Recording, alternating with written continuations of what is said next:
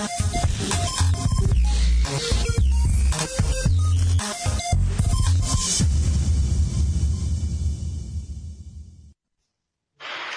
se tiče Alekse Vukanovića, sedeo sam sa predsednikom Crvene zvezde. Palo mi je na pamet da bi Aleksa Vukanović mogao da bude igrač odluke. Zamolio sam Terzića da ga pozove. Rekao sam, sine, daj gol. On je rekao, daću sve od sebe i dao je gol. To je sve. Hvala mu na tome, čestitamo još jednom.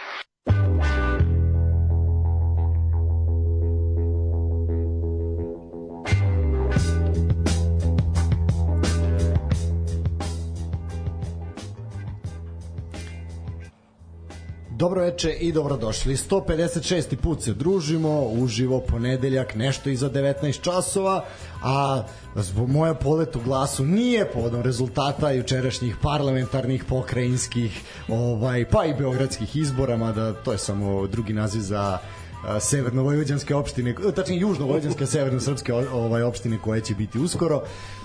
Ne, to je zbog toga što večeras Nikole imamo zaista fantastične goste s kojima smo ćaskali i onako bilo je, ma šta da puštamo emisiju da pričamo za našu dušu, ali eto uključit ćemo i vas, posle ćemo pročitati broj telefona na koji ćete moći i vi da učestvujete zajedno sa nama. Niđo, prvo tebi dobro veče. Dobro veče i zaista veliko zadovoljstvo s moje strane, ovaj, eto, neko je tu s kim se podržavamo već neko vreme, pratimo i zaista sam srećan što su, što su momci ovde Tako je.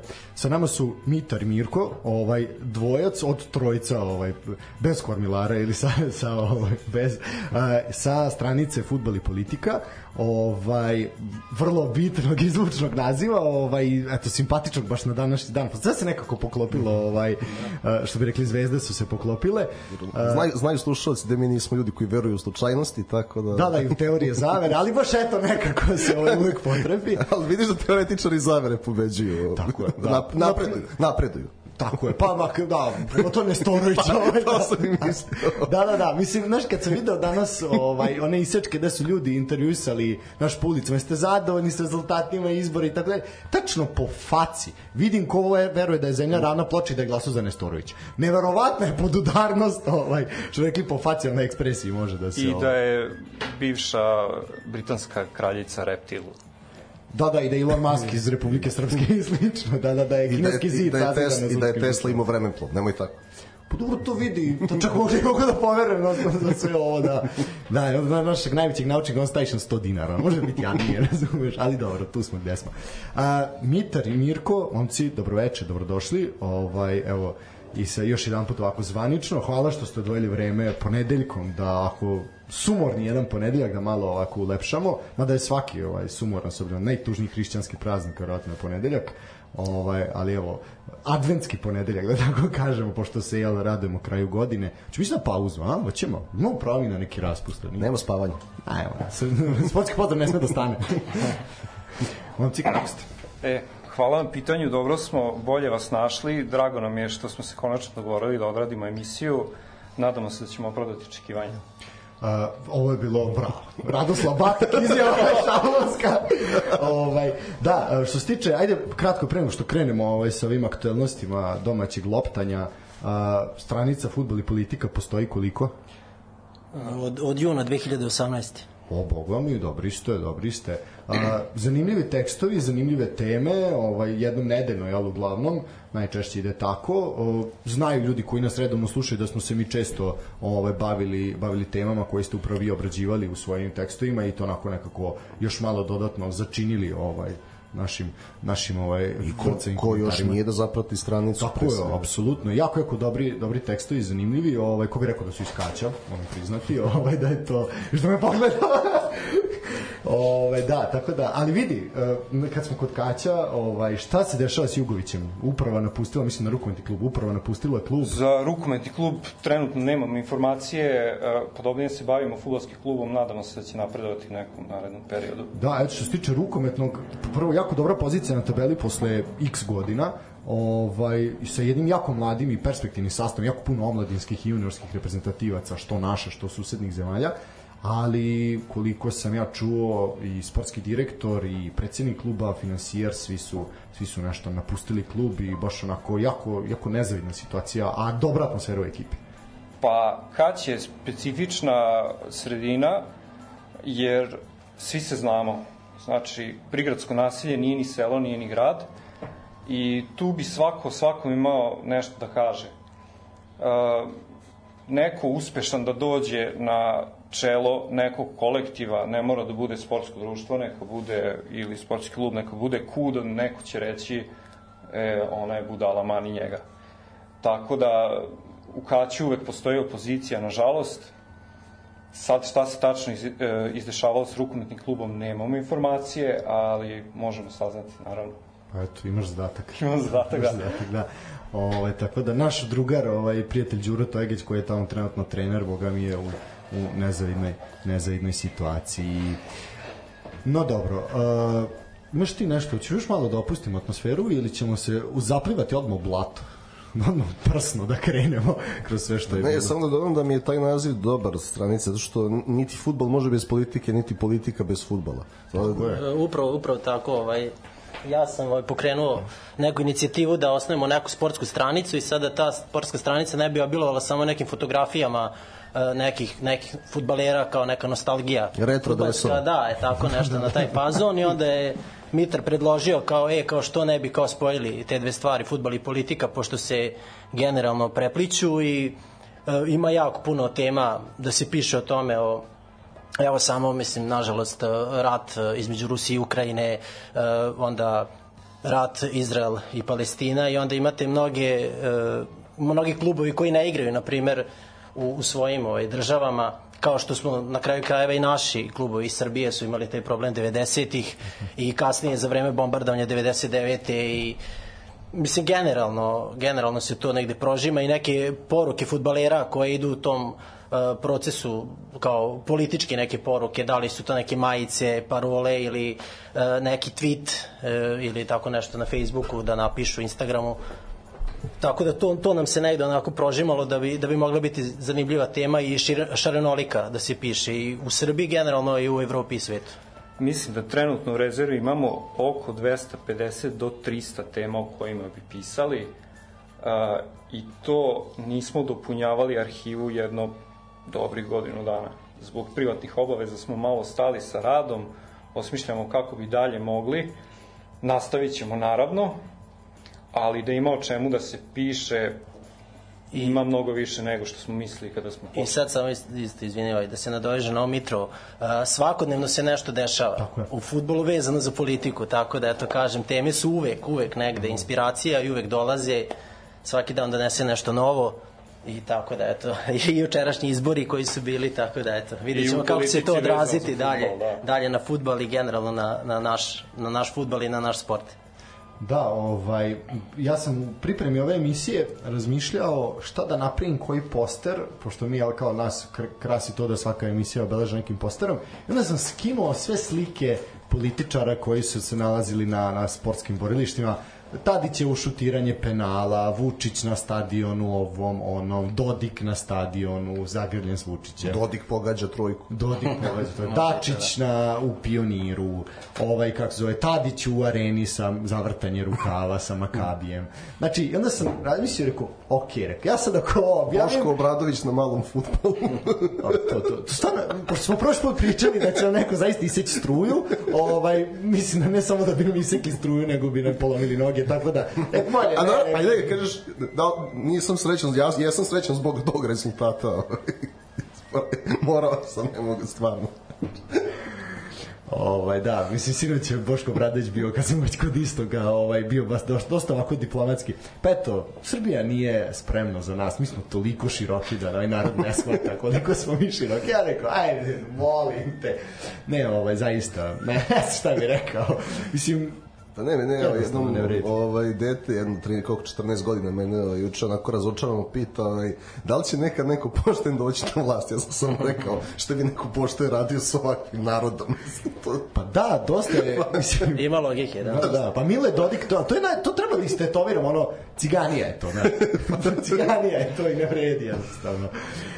A, dobro, momci, ovaj, ja sam dao zadu zadatak da se pripremite, da malo pogledate, da malo proučite, tako da sad ćemo vas, pošto su nas zvali na kviz, ovaj, tako da eto, vidjet ćemo, tu ćemo mi biti na testu, ovaj, pošto ne sumnjamo njihovo znanje, sad da vidimo kakvi ste vi, ovaj, šta ste uspeli da, uspeli da ispratite, svakako ćemo ovaj, ubacivati malo ovaj, jel, teme.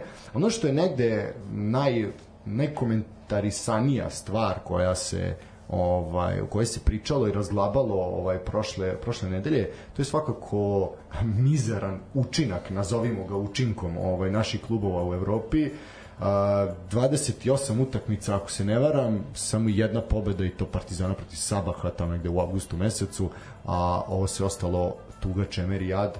Uh, jezivi smo, nacionalni koeficijent katastrofa, Malta je uzela više bodova od nas, uh, ovaj, a bitno da znamo da pljujemo po konobarima s Malte i ne samo Malta, mnogi drugi, mnogi drugi savezi. Uh, Zrinski, na primjer, za četiri boda, što je više nego što su svi naši uzeli zajedno, tako da zaista, zaista onako surova realnost, a? Pa, ja kada sam pogledao ove kvalifikacione utakmice letos uh, TSCA i Čukaričkog, ja iskreno nisam ni očekivao više to je bilo tako mučno za gledanje, to je bilo takvo odučavanje od futbala da ne znam, mazohizam je bilo gledati 90 minuta, pogotovo ko je gledao i revanš. Ja smatram da se ni Čukarički, ni TSC u svim strukturama kluba nisu pripremili za Evropu adekvatno. Jer ostvarili su te neke transfere letos od par miliona evra, imali su zagarantovanih par miliona evra od učešća u uh, evropskim klubskim takmičenjima u grupnoj fazi, međutim, da li su možda milion utrošili da, da, da skockaju ekipu. Uh, ja sam sinoć baš gledao Football Manager za neupućene slušalce, to je video igra, tačnije simulacija u kojoj vi obavljate funkciju trenera futbolskog kluba ili selektora reprezentacije. E, to je veoma dobra simulacija, čak je koriste i u realnom futbalu. Neki od ljudi koji su imali zapažene rezultate na futbol menadžeru su dobili posao u stručnim štabovima određenih klubova ili su čak poslali treneri, kao na primjer trener Remsa. A, data baza futbol menadžera se koristi prilikom skautinga čak i u ozbiljnim futbolskim klubovima, na primjer Everton. Prema data bazi futbol menadžera za sezonu 2023-2024 prema trenutnim ocenama, tačnije trenutnim sposobnostima igrača, među prvih 50 futbalera u Superligi nalazi se jedan futbaler Čukaričkog, jedan futbaler TSC. I taj futbaler TSC je na pozivnici Marko Rakonjac. Dakle, ni Čukarički, ni TSC nisu ozbiljno shvatili e, obaveze i ono što će Evropa da im ponudi u tom periodu u kom budu igrali klubsko takmičenje, rezultati govore o tome najbolje. Na sve si rekao, da, to je to. Evo, ja ću da se nadovežem recimo na sastav TSC-a. Uh mhm. -huh. E, ne znam da li u njihovih prvih 11 e, zajedno i sa igračima koji su ulazili kao rezervni igrači, e, da li neko od njih, vi mi ispravite ako ja grešim, da li neko od njih ima utakmicu u grupnoj fazi evro takmičenja? Ja stvarno ne znam. Eto, eto, dobro, eto, to je jedan, kažem, od, od 18 igrača moj, možda koji su ovaj, igrali za TSC ove sezone mislim da je to negde iskustvo, ovaj, fali, fali TSC-u i neki igrači iz inostranstva koji su igrali neke uzbiljnije lige. Znači, ne pocenjujem ja niči kvalitet nijednog igrača, ali, na primjer, Saša Ivanović igra u drugu špansku ligu, je jedan od najboljih igrača generalno TSC-a recimo Milan Radin isto koji je u šampionskoj sezoni sa Partizanom osvojio titulu pre šest godina, ali ne pravi tu potrebnu razliku. Uh, on igra u Kazahstanu, ali ne znam, govorim grupnu fazu. Grupnu igra fazu. Radin u grupu. Igra, igra, e, dobro, ajde, opet, opet se ispravno, znači to je dva, ajde, opet, opet je malo, mali procenat u odnosu na, na broj. Igrao je, ulazio umesto Evertona ili Jevtovića, pa onda otišao u Kazahstan. A, ali on, on igrao sezonu 2016-17 u Partizanu. Tako je. I ali ostao... Partizan kod Marka Nikolića nije igrao Ne, ne, ostao je još igra, ulazio igrao malo s klupe, aha, aha. nešto Okej. malo, nije ga Đukić zimu. A, na zimu, I onda je Đukić rekao, ajde. A da, da, da, okej, da, To jeste, je pravo nema si. prolaska grupe. Ovaj, ali hoću da kažem opet, tu nije neki kvalitet koji je za Evropu. Tu su sve odlični igrači za naše uslove i da, da se bore za vrh tabele i za Evropu, ali nije, nije dovoljno za grupnu fazu Lige Evrope koja je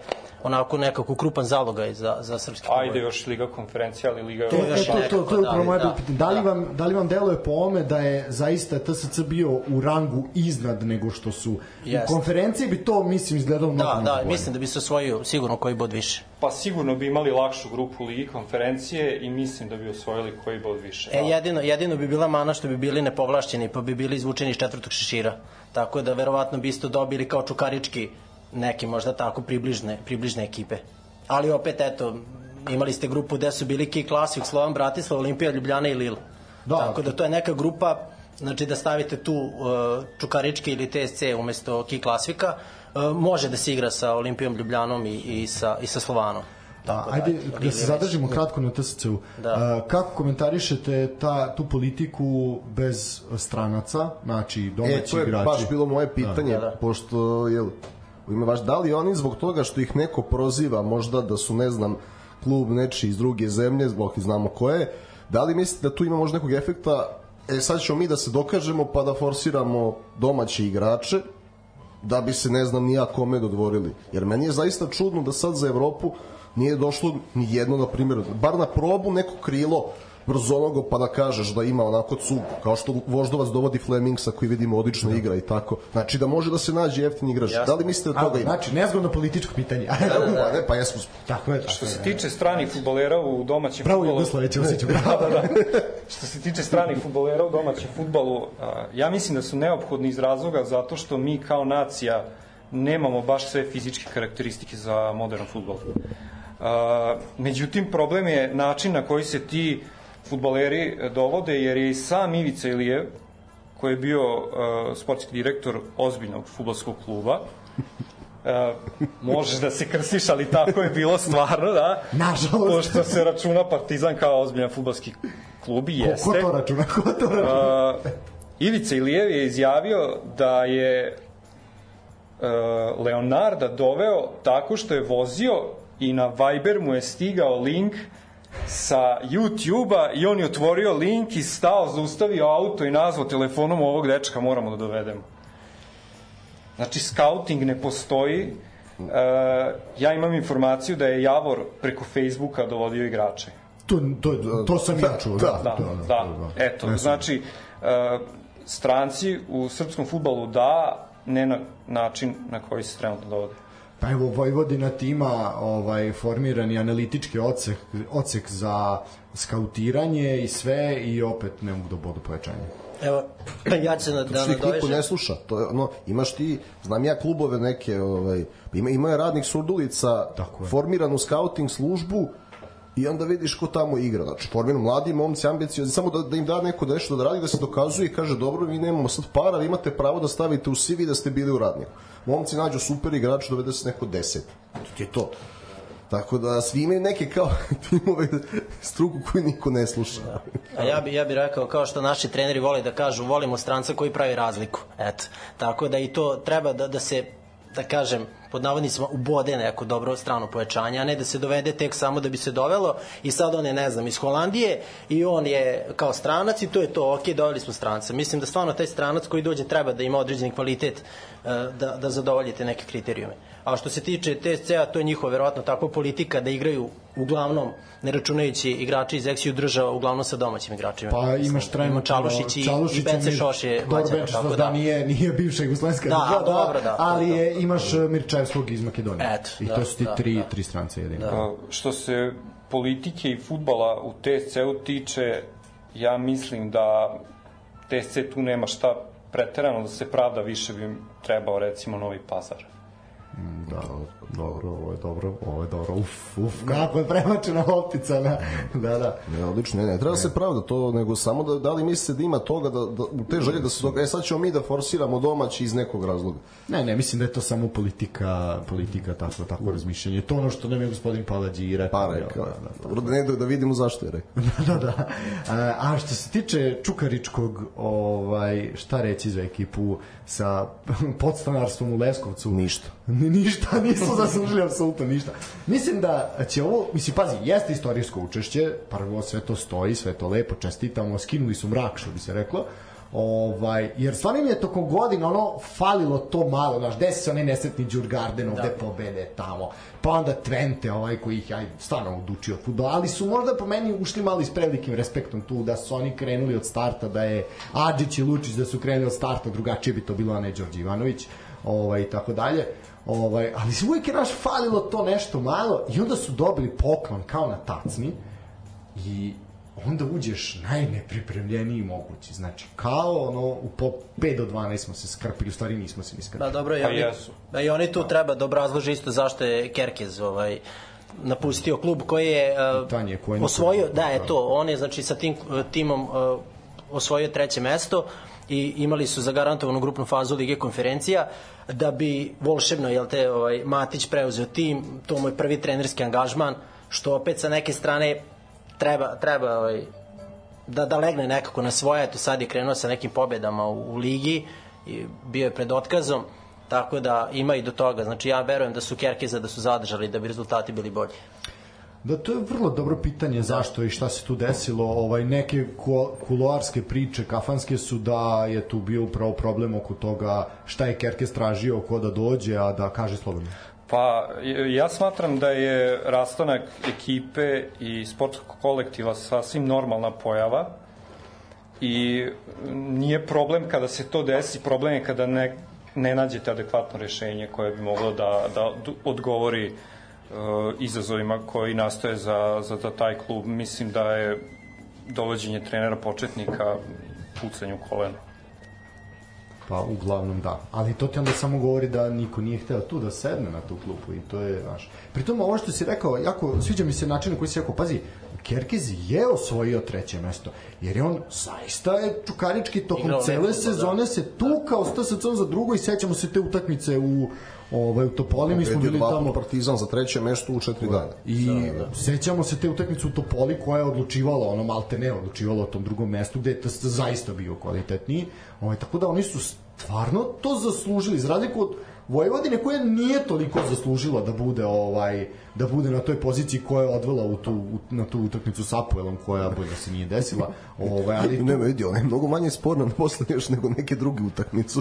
da, mislim doći ćemo do momenta današnja vest sa Popovićem, mislim to je baš isto onako tema za tema za komentarisanje, ali Uh, ajde još jedna stvar, samo Čukaričkog, doći ćemo na ovo. Uh, kako vam se čini ta epizoda Čukaričkog u Leskovcu? Je to bilo smisleno? Nije to ima logike? Nema... Uh, ja sam prethodne sezone uh, svim srcem navijao da Vojvodina bude ta koja će obezbediti plasman u grupnu fazu evropskog da. takmičenja, da, umesto Čukaričkog, jer prvim mestom, to jest osvajanjem kupa, jer nisu mogli kroz ligu, jer Čukarički je klub koji nema ko da gleda, nažalost.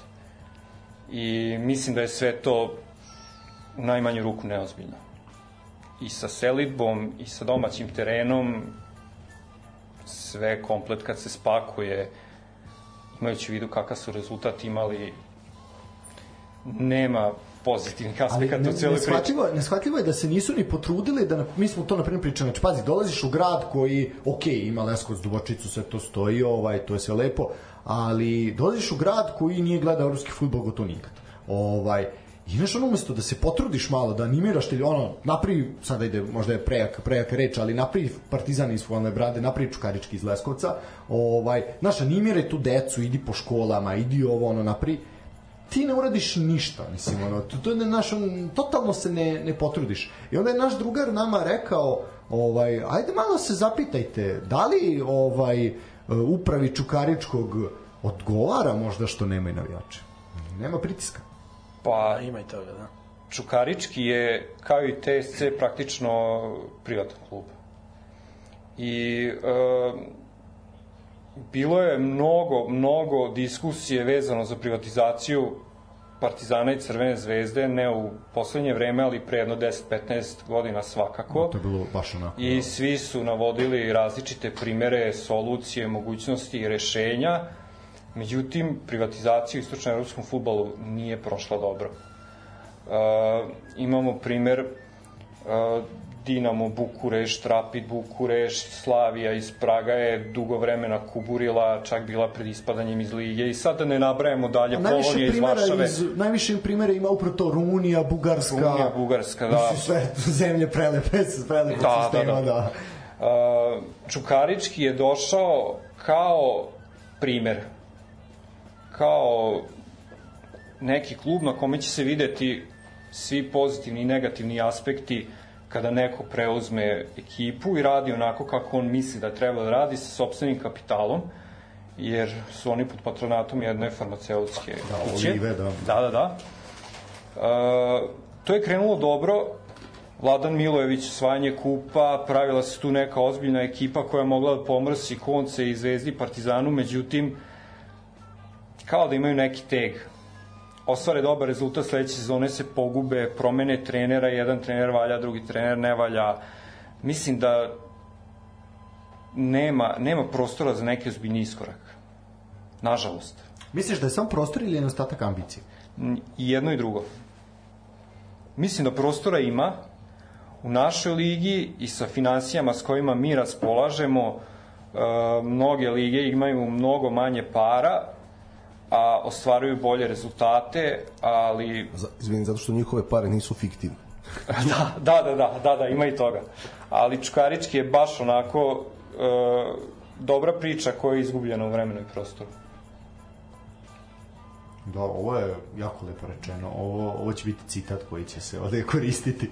A, dajde, kad smo kod Čukaričkog, ajde, napomenut ćemo, mislim, nećemo pretrano analizirati, zaista nije vredno toga. A, Čukarički je još jednim porazom završio Kaži e, ne znam da li ste slušali e, intervju sa Ognjenom Vranješom. Uh mhm. -huh. e, mi volimo da slušamo tako te ljudi iz e, sfere futbala koji nemaju laki na jeziku. I Ognjen Vranješ Luko ima... Vranješa smo videli da nema dlake ni Da, da, da, da. da. e, bravo, bravo, bravo. Ognjen Vranješ imao jednu rečenicu... Zašto si ti to gledao? Objasni mi sad. Čekaj. Aj, istraživački novinar Rumenija dosta jak, sad da kažem. Dobro, treba pogledati. Da. Pa vidi ko nema komplekse, ja šta da. sad, da, da. da. Izvini sad. Da. Ne, naravno, naravno, naravno. Ognjen Vranješ ima jednu rečenicu u kojoj je definisao stanje u Čukaričkom, a nažalost i u našem futbalu, ali toga ćemo se više dotaći kad dođemo do Zvezde i Partizana, gde je on izjavio, ja gledam ove moje mlađe kolege od 19-20 godina, oni su odigrali par utakmica Superligi, oni misle da su bogovi. -huh. ja im kažem, deco, pripazite se, treba taj profesionalni futbol da igrate još 5-10 godina, vi od toga živite, međutim oni se ponašaju neadekvatno. I to je možda jedan od, od, od pokazatelja zašto je Čukarički imao loše rezultate, izgleda da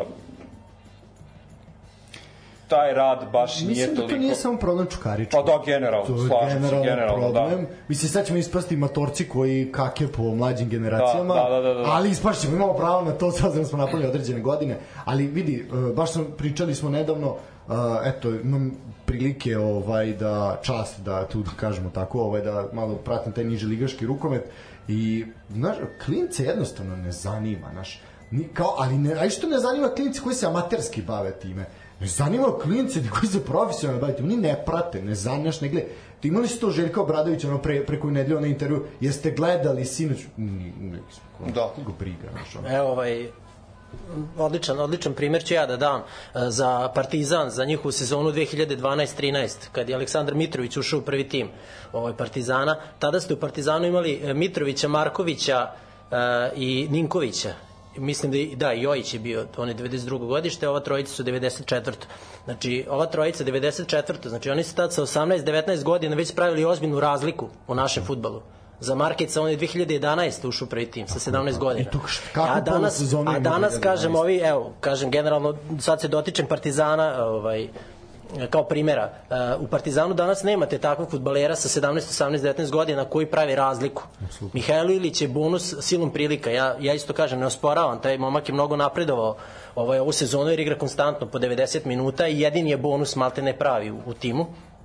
I ovaj, ali, ali Partizanu tu fali. Znači, svi ovi momci koji su trenutno tu imaju određeni kvalitet, ali to, to nažalost nije dovoljno za, za nešto više i da se nešto napravi. Vidjet ćemo ovaj mali Jovanović, on je 2600, da li on možda sledeće godine nešto, možda može ako, ako dobije neku šansu, ali ne znam, vidjet ćemo. Da li će dobiti šansu, to je veliko da, pitanje. Naši, da, to smo baš da. pričali mnogo ih. Evo, imate primer Marka Milovanovića koji je dobio šansu kod Stanojevića, momak je u Almeri, ne znamo ni da li igra tamo. 2003. godište. Ili Bažda, recimo, koji je u Partizanu već dugo timu. To, to ćemo kad dođemo da. do Partizana da. i do tog momenta. Samo kad neko sam sebi stavi na dres Marezi, ja znam kako će ta karijera da ide, to je... Da. A, što se tiče što se tiče Čukarička i zaokružimo samo a, završili su kako su igrali još jednim porazom a, zaista očajna, očajna grupna faza, mislim da loše izdanje, ovaj, ne samo što se tiče rezultata, nego uopšte odnosa i borbe neke želje je jako, jako je to sve bilo loše i jako slabo i mlako ovaj, baš onako u nekim momentima je bilo to, da kao da i njima bilo da joj daj samo da završimo, znaš, ono da se sklanjamo. Pa ne bi sad upotrebljavali neki teški izraz, ali dovoljno reći daleko od Evrope. Daleko, da, zaista da. Tako da, eto, 2-0 poraz u Belgiji, zaista, eto, istim rezultatom kao što je to bilo i u Leskovcu. Uh, Čukarički baš onako jedno debelo razočarenje. Ja se samo ono što je moja neka iskrena želja, ovaj, a to je zaista da će izvući neke pouke iz ovoga, jer ako ne izvuku, onda su zaista uzaludno ono, utrošili trošili svoje vreme, ali da, da, da, kako, kako, ovaj, sa, sa kojim razočarenjem odmahuje glavom, tako da...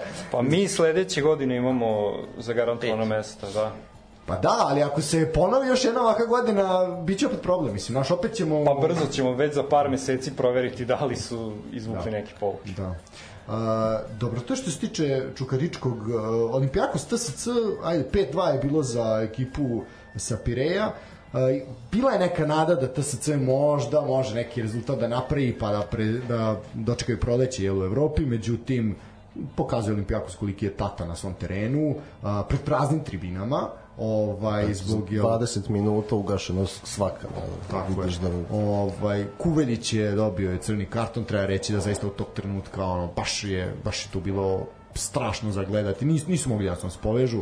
A, pohvale za Ćirkovića i pogodak, to treba reći. Đakovac isto potvrdio i baš mi da Ćirković isto momak koji je igrao u inostranstvu, da. bar ligu da dolaze fizički spremni ljudi. Sad, ako nešto znaš, onda možeš kao Ćirković da pomogneš ako ne znaš kao Nikola Antić, onda ti džabaš si bio u Rusiji, ali... Nikola Antić je zločin koji traje, to, baš, ovaj, to, to, to je poseban komentar. A, tako da, meni je drago što su odmah kad dali go, prvo da se zaista ni Čirkovića skrene pažnja koliko je značajno pojačanje za TSC, ovaj, i momak koji, eto, da nema taj zdravstveni problem koji ima, ovaj, zaista onako bio bi bio bi ozbiljna ozbiljnija klasa i na ozbiljnijem nivou bi igrao ovaj, ali jednostavno to je baš, ovaj, baš neizvodljivo da se jednim slabim okom teško, teško možete igrati ozbiljnu ligu. Ovaj, a što se tiče Đakovca, svaka čast na fantastičnoj partiji, po meni sigurno najbolji pojedinac u TSC ove polusezone i apsolutno mi smo to pričali milion puta, zaslužio poziv reprezentaciju bez nek bude makar na spisku. Nema pa na toj poziciji u ligi je jedan od najboljih, sigurno. Apsolutno. Da. Belića, ono je tu, tu apsolutno gospodari vezni. Tu možda i najbolji ove godine. Da, da. Kako, kad, kad spojiš kontinuitet igara Evropa i Liga, Apsolutno, apsolutno. Znači, zaista momak, ono, za primer, za primer, takav, takva energija, takva tehnika, sve na mesto, znači, apsolutno, ovaj, baš onako, meni, kažem, treba na takvih igrača i ono, ja bi ga zaista nagradio nagradio pozivom reprezentaciju tako da to... možda bi trebalo da dobije poziv za reprezentaciju dok ga ove, još imamo da ga neka druga reprezentacija ne preuzme to je već bilo je li imate priča a? pa ne znam da li ima već to je tema za jednu Facebook stranicu koja je svima nama dobro poznata Pa da, ne znam, ovaj, da li, mislim da Savo Milošević ne razmišlja o tome. Mislim, ne, ne vidim koja reprezentacija bi mogla da ga preuzme, ovaj, s obzirom da Suleiman Ugljanin baš nije dobro prošao na izborima, teško da će biti neke reprezentacije koja će ga uzeti. Je nikad dobro prošao na izborima? Pa ne. Za 30 godina. To nije da, u suštini. Čovjek je prisutan od prvih izbora 90. koliko se da. sećam. A prvo, kontinuitet, kontinuitet je, je bitan, razumeš, to je jako bitno. Ovaj, ali da. Pa ni Šaip Kamberi nije, ovaj, naš favorit isto nije se dobro proslavio. A, tako da, to se... Riza Haljim je pošten čovjek. Riza, ne, vidi. Riza Halim je jedan zaista gospodin prvo pre svega. Čovjek koji je tražio besplatne udžbenike za svu decu i svi su mu se smejali u skupštini i to je onako bio jedan tužan moment gde sam, ta, koliko smo mi tad imali godina? Pošto bili smo 16, 16, škola, 16, 16 godina. I onda smo u tom momentu sa 16 godina gledajući tu skupštinu, ne pitajte zašto smo to radili, ovaj, znaš, kao vidiš da čovjek priča o besplatnim udžbenikima, moli za besplatne udžbenike za svu decu, pokazuje da postoji financija za to i ljudi mu se smeju u lice i ti onda shvatiš gde, gde, gde živiš. Ovaj, tako da, eto, bilo je to otržnjenje, nažal. Bilo je otržnjenje i pre toga, ali to je već, to je druga priča. Uh, idemo na događaj nedelje u našoj državi, a to je svakako dolazak prva, aktuelnog prvaka Evrope. Uh, Manchester City je gostovao na našem najvećem stadionu, na stadionu Rajko Mitić. Uh, volim što odmahuješ glavom. Uh, 3-2 je bilo za City. Uh, City sa dobrano kombinovanim sastavom.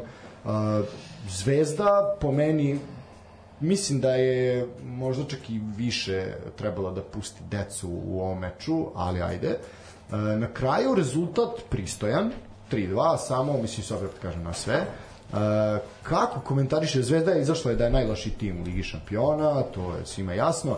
E, kako komentarišete izdanje Crvene zvezde u Evropi ove polusezone, taj hype, ta utakmica s Fiorentinom, te pripremi turniri po Rusiji koji se osvajaju, priča, priča, priča, uh, sezonske cena karata i onda Bahar koji se toliko priželjkivao, pa onda bio žuti karton, postrojavanje, sve što smo imali, uh, ali na kraju i neke pozitivne stvari, a to su klinci koji su koji su iskočili, tako da evo, šta, vaše viđenje Crvene zvezde u Evropi i sve. Pa evo ja ću da počnem. Izgleda da se nešto negativno desilo u onom periodu reprezentativne pauze. Malo kada samo bio- glasnije ili malo Da, a, izgleda da se nešto loše desilo u onom periodu reprezentativne pauze kada su a, dovedeni a, igrači a, Điga, Hwang i, i a, NDI, NDI otpratio da. na Instagram. E, to je da, to je dobra pi- da, To, to je zanimljivo, to je ali zanimljiva tema, da, tome doći ćemo da. kasnije. Uh, Barak Bahar mislim da je došao nespreman u srpski futbal, uh, jer ovde je dosta komplikovanija situacija nego u Izraelu, možda čak i jednostavnija. Uh, ovde je ekipa koja izdrži 50-60 minuta protiv Crvene zvezde i Partizana ili da jedan go parkira autobus pred golom. I Crvena zvezda je odigrala utakmice u domaćoj ligi e, tako da je 70% vremena bila na, na protivničkoj polovini, ali je izostala ta realizacija. Što se Evrope tiče, Crvena zvezda je izgledala mnogo bolje nego u prethodna dva ciklusa kada su nastupali u Ligi šampiona. U određenim trenucima na terenu su izgledali ozbiljnije, da li je to bilo do protivnika, da li se protivnik opustio, da li Crvena zvezda stvarno pokazala da može, da postoji neka ideja, e, to je već sad stvar za dublju analizu, ali samo je ta utakmica protiv Young Boysa bila prelomna, da je Zvezda tu ostvarila bolji rezultat kao što je mogla, e, mi bi sad drugu priču pričali. A da li su zaslužili da za Realno ne. pa realno ne. Realno ne, baš zbog cele te situacije koja se nekako izvetoperila posle, posle dolaska posljednja tri pojačanja, nešto se poremetilo u toj klubskoj hemiji, čak imate primer gde je Spajić na utakmici protiv Manchester City-a dobio žuti karton, iznerviran ide, vraća se nazad i Nasir Điga mu pruža ruku, ovaj, prođe pored njega kao pored turskog groblja. Znači, ponovo slačionica. Pa, izgleda da je slačionica, da.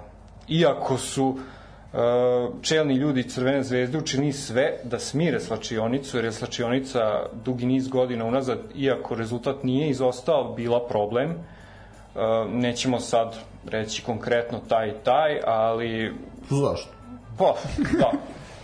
Ovaj, Kako da ne bude problem pored Milana i Snežane Borija, mislim. da, Da. da, Jedan, a nisu jedini, gde, gde su Uh, Guelor Kanga večita nepoznata, večita promenljiva, onda u prvom u prvom uh, A toliko insistiranje da igra. Da, da. I ko da. insistira? I ko insistira, da. Da, recimo dok je Kings Kangva neopravdano izostavljen. Apsolutno, da.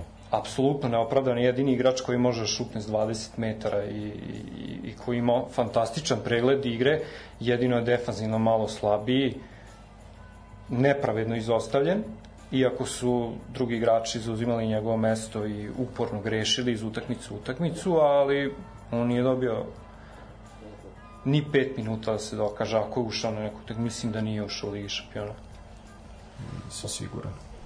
Kao Ratim nešto na možda jednoj prve utakmice da, nešto da. malo samo što je A, to jesu po, po vama da li su Zvezdina pojačanja opravdali silne novce uložene?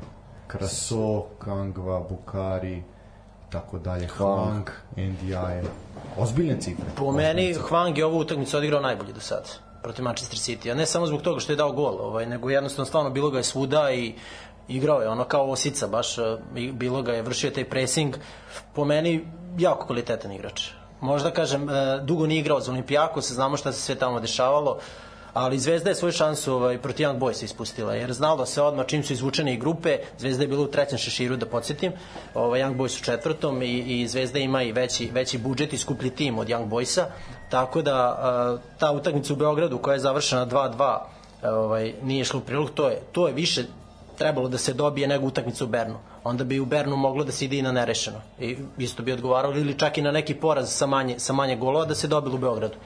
Ovaj, jer prvo se gleda e, međusobni susret.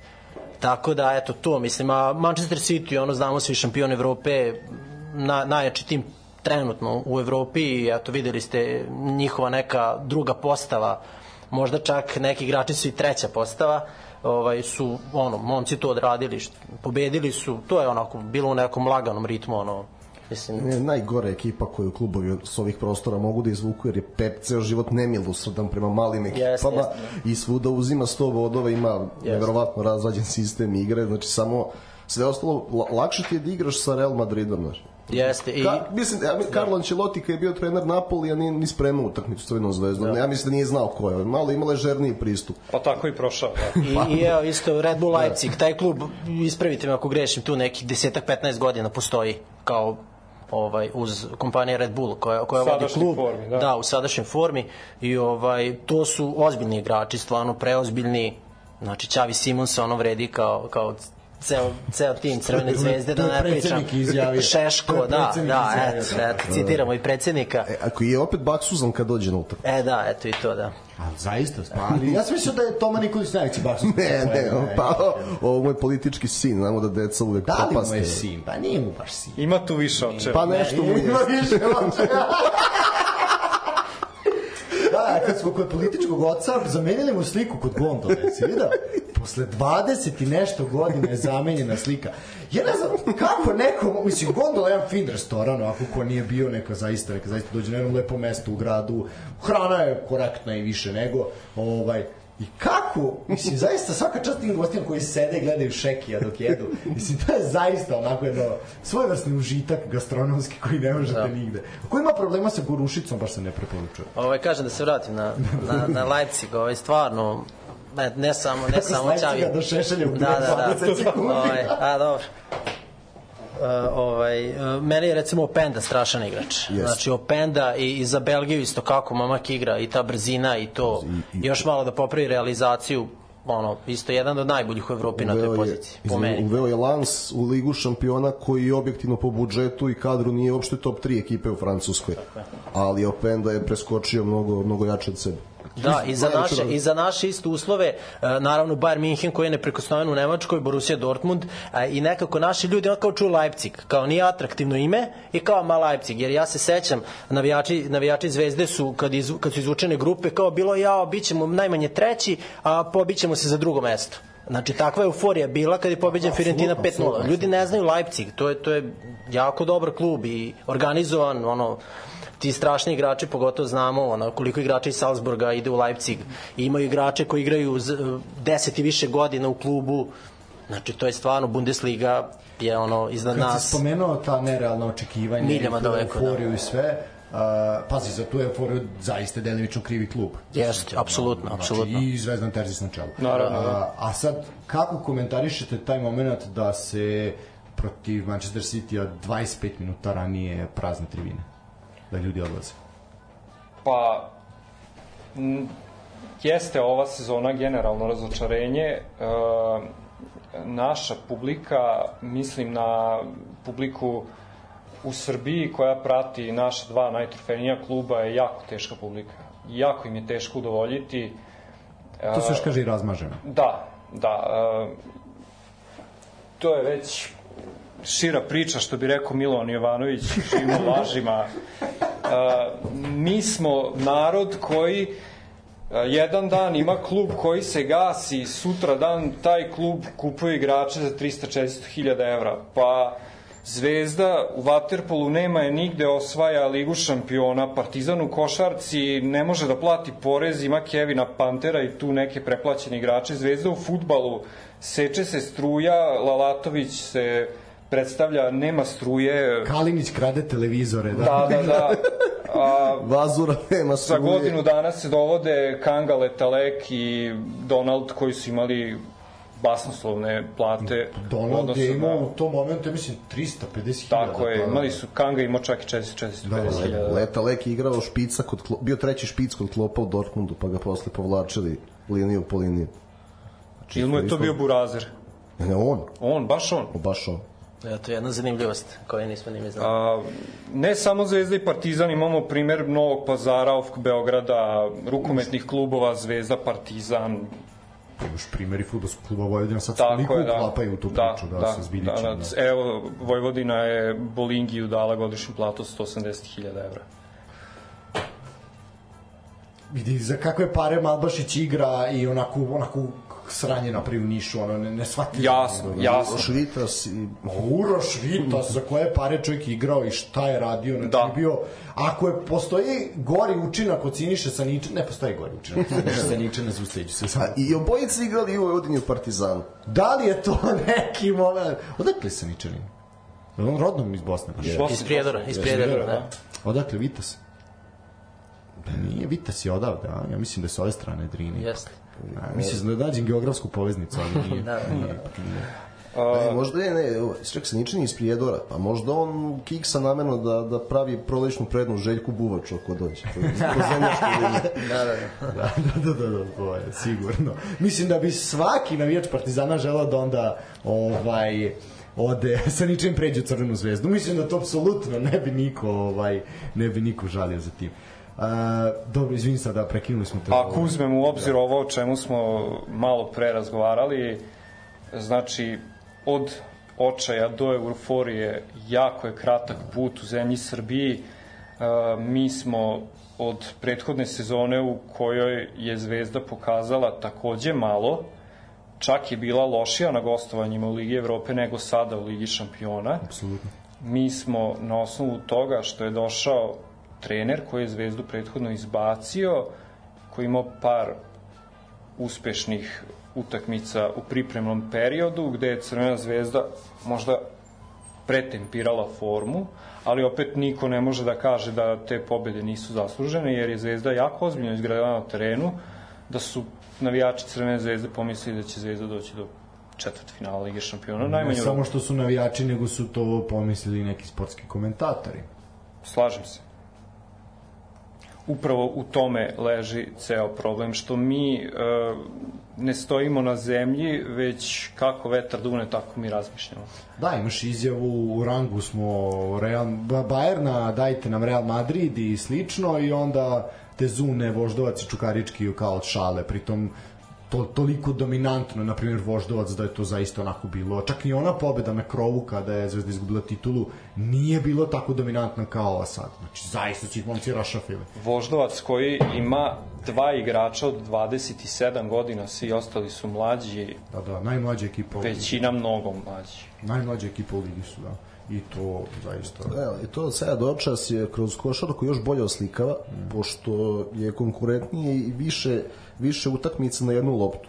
I onda je to neverovatno, znači, ako, na primjer, sad je 84-85, i Panter šutira za pobedu. I sad ako Panter pogodi, to je ono, osvajamo, Željko, gazi vamo tamo, ako promaši Panter, preplaćen i ovo ono, dokle više, stalno ista priča, to, ti nervni slomovi e, koji se dobiju na osnovu jedne, jednog šuta za pobedu, jednog penala u futbalu, Znači, valjda gledaš utakmicu i kontekst. E, to mi ne znamo da radimo. Znači, ako je nešto dobro je, ono je dobro, i ako nije, nije dobro. Ali mi ne znamo da gledamo utakmicu između dva 16 mi gledamo samo ono što se dešava u 16 metara. Ako, ako je dao gol, super je, a ako je pogrešio nazad, onda ne volje ništa da, ako to... Ali... Nažalost, sve u to životu... To samo znači da ne znamo šta gledamo. Zapravo. Apsolutno ne znamo. Apsolutno. I jako puno uh, dajemo sebi za pravo, jako malo znamo. Uh, u sportu je kao svim ostalim sferama društva uvek neka nijansa sive, ali kod nas je ili crno ili belo. I evo, ja sam stvarno nekad navijača Zvezde više cenio, na primjer da su igrali 2010. ligu šampiona, onda kad je Partizan igrao, Znači, nema teorije da bi se tada jedna karta podelila i nema teorije da bi jedan navijač od tih koji su tada išli na utakmice izašao ranije sa stadiona pri bilo kom rezultatu. Znači, svih 55.000 kompleta karata bi se raspodalo u danu tada. I to bi se tada su, tada su znali, ne znam, 40 autobusa iz nekog grada ode da ih gleda u Jagodinu. To je... Neshvatljivo je šta nam se desilo za eto 10-12 godina da se tako izgubila publika na stadionima, ovaj, a to, mislim, ajde da kažeš, razumem manje sredine i manje klubove, uslovno rečeno manje, ali u odnosu na Zvezdu i Partizan manje, ali, znaš, imamo sad tu pojavu da ni, nema ni Zvezdinog severa više.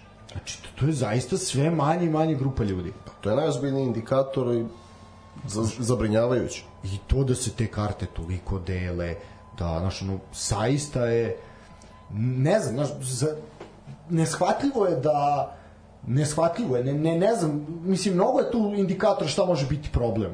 Jednostavno, sporo je, ljude ne zanima, nemaju vremena, skupo je, teška je organizacija doći, dovesti klince vamo tamo, neuslovno je, hladno je, ja, kiša je. To, to sam ja mislio dok nije došla ova košarka i sezonske oba kluba i najjeftinija pojedinačna ulaznica, svaki put nema karte ispod 2000 dinara. Da vidiš da nije skupo. Znači, Ali sad je košarka in. Sad je košarka in. Pa, znači da je futbal in ne bi bio skup onda. Vidimo da, da je to sve, sve alibi da se ne ide na, na stadion, ne, neće niko da mrzne, da se kisne, Čak, ni, ne bez, ni, čak ni sa razlogom. Znači, da je... Mislim da je najveći problem uh, Crvene zvezde i Partizana Beogradska publika. Vi možda ne pamtite situaciju, ja sam išao na utakmice tamo 2006. 7. godine, tada je isto bilo 2000 ljudi na stadionu.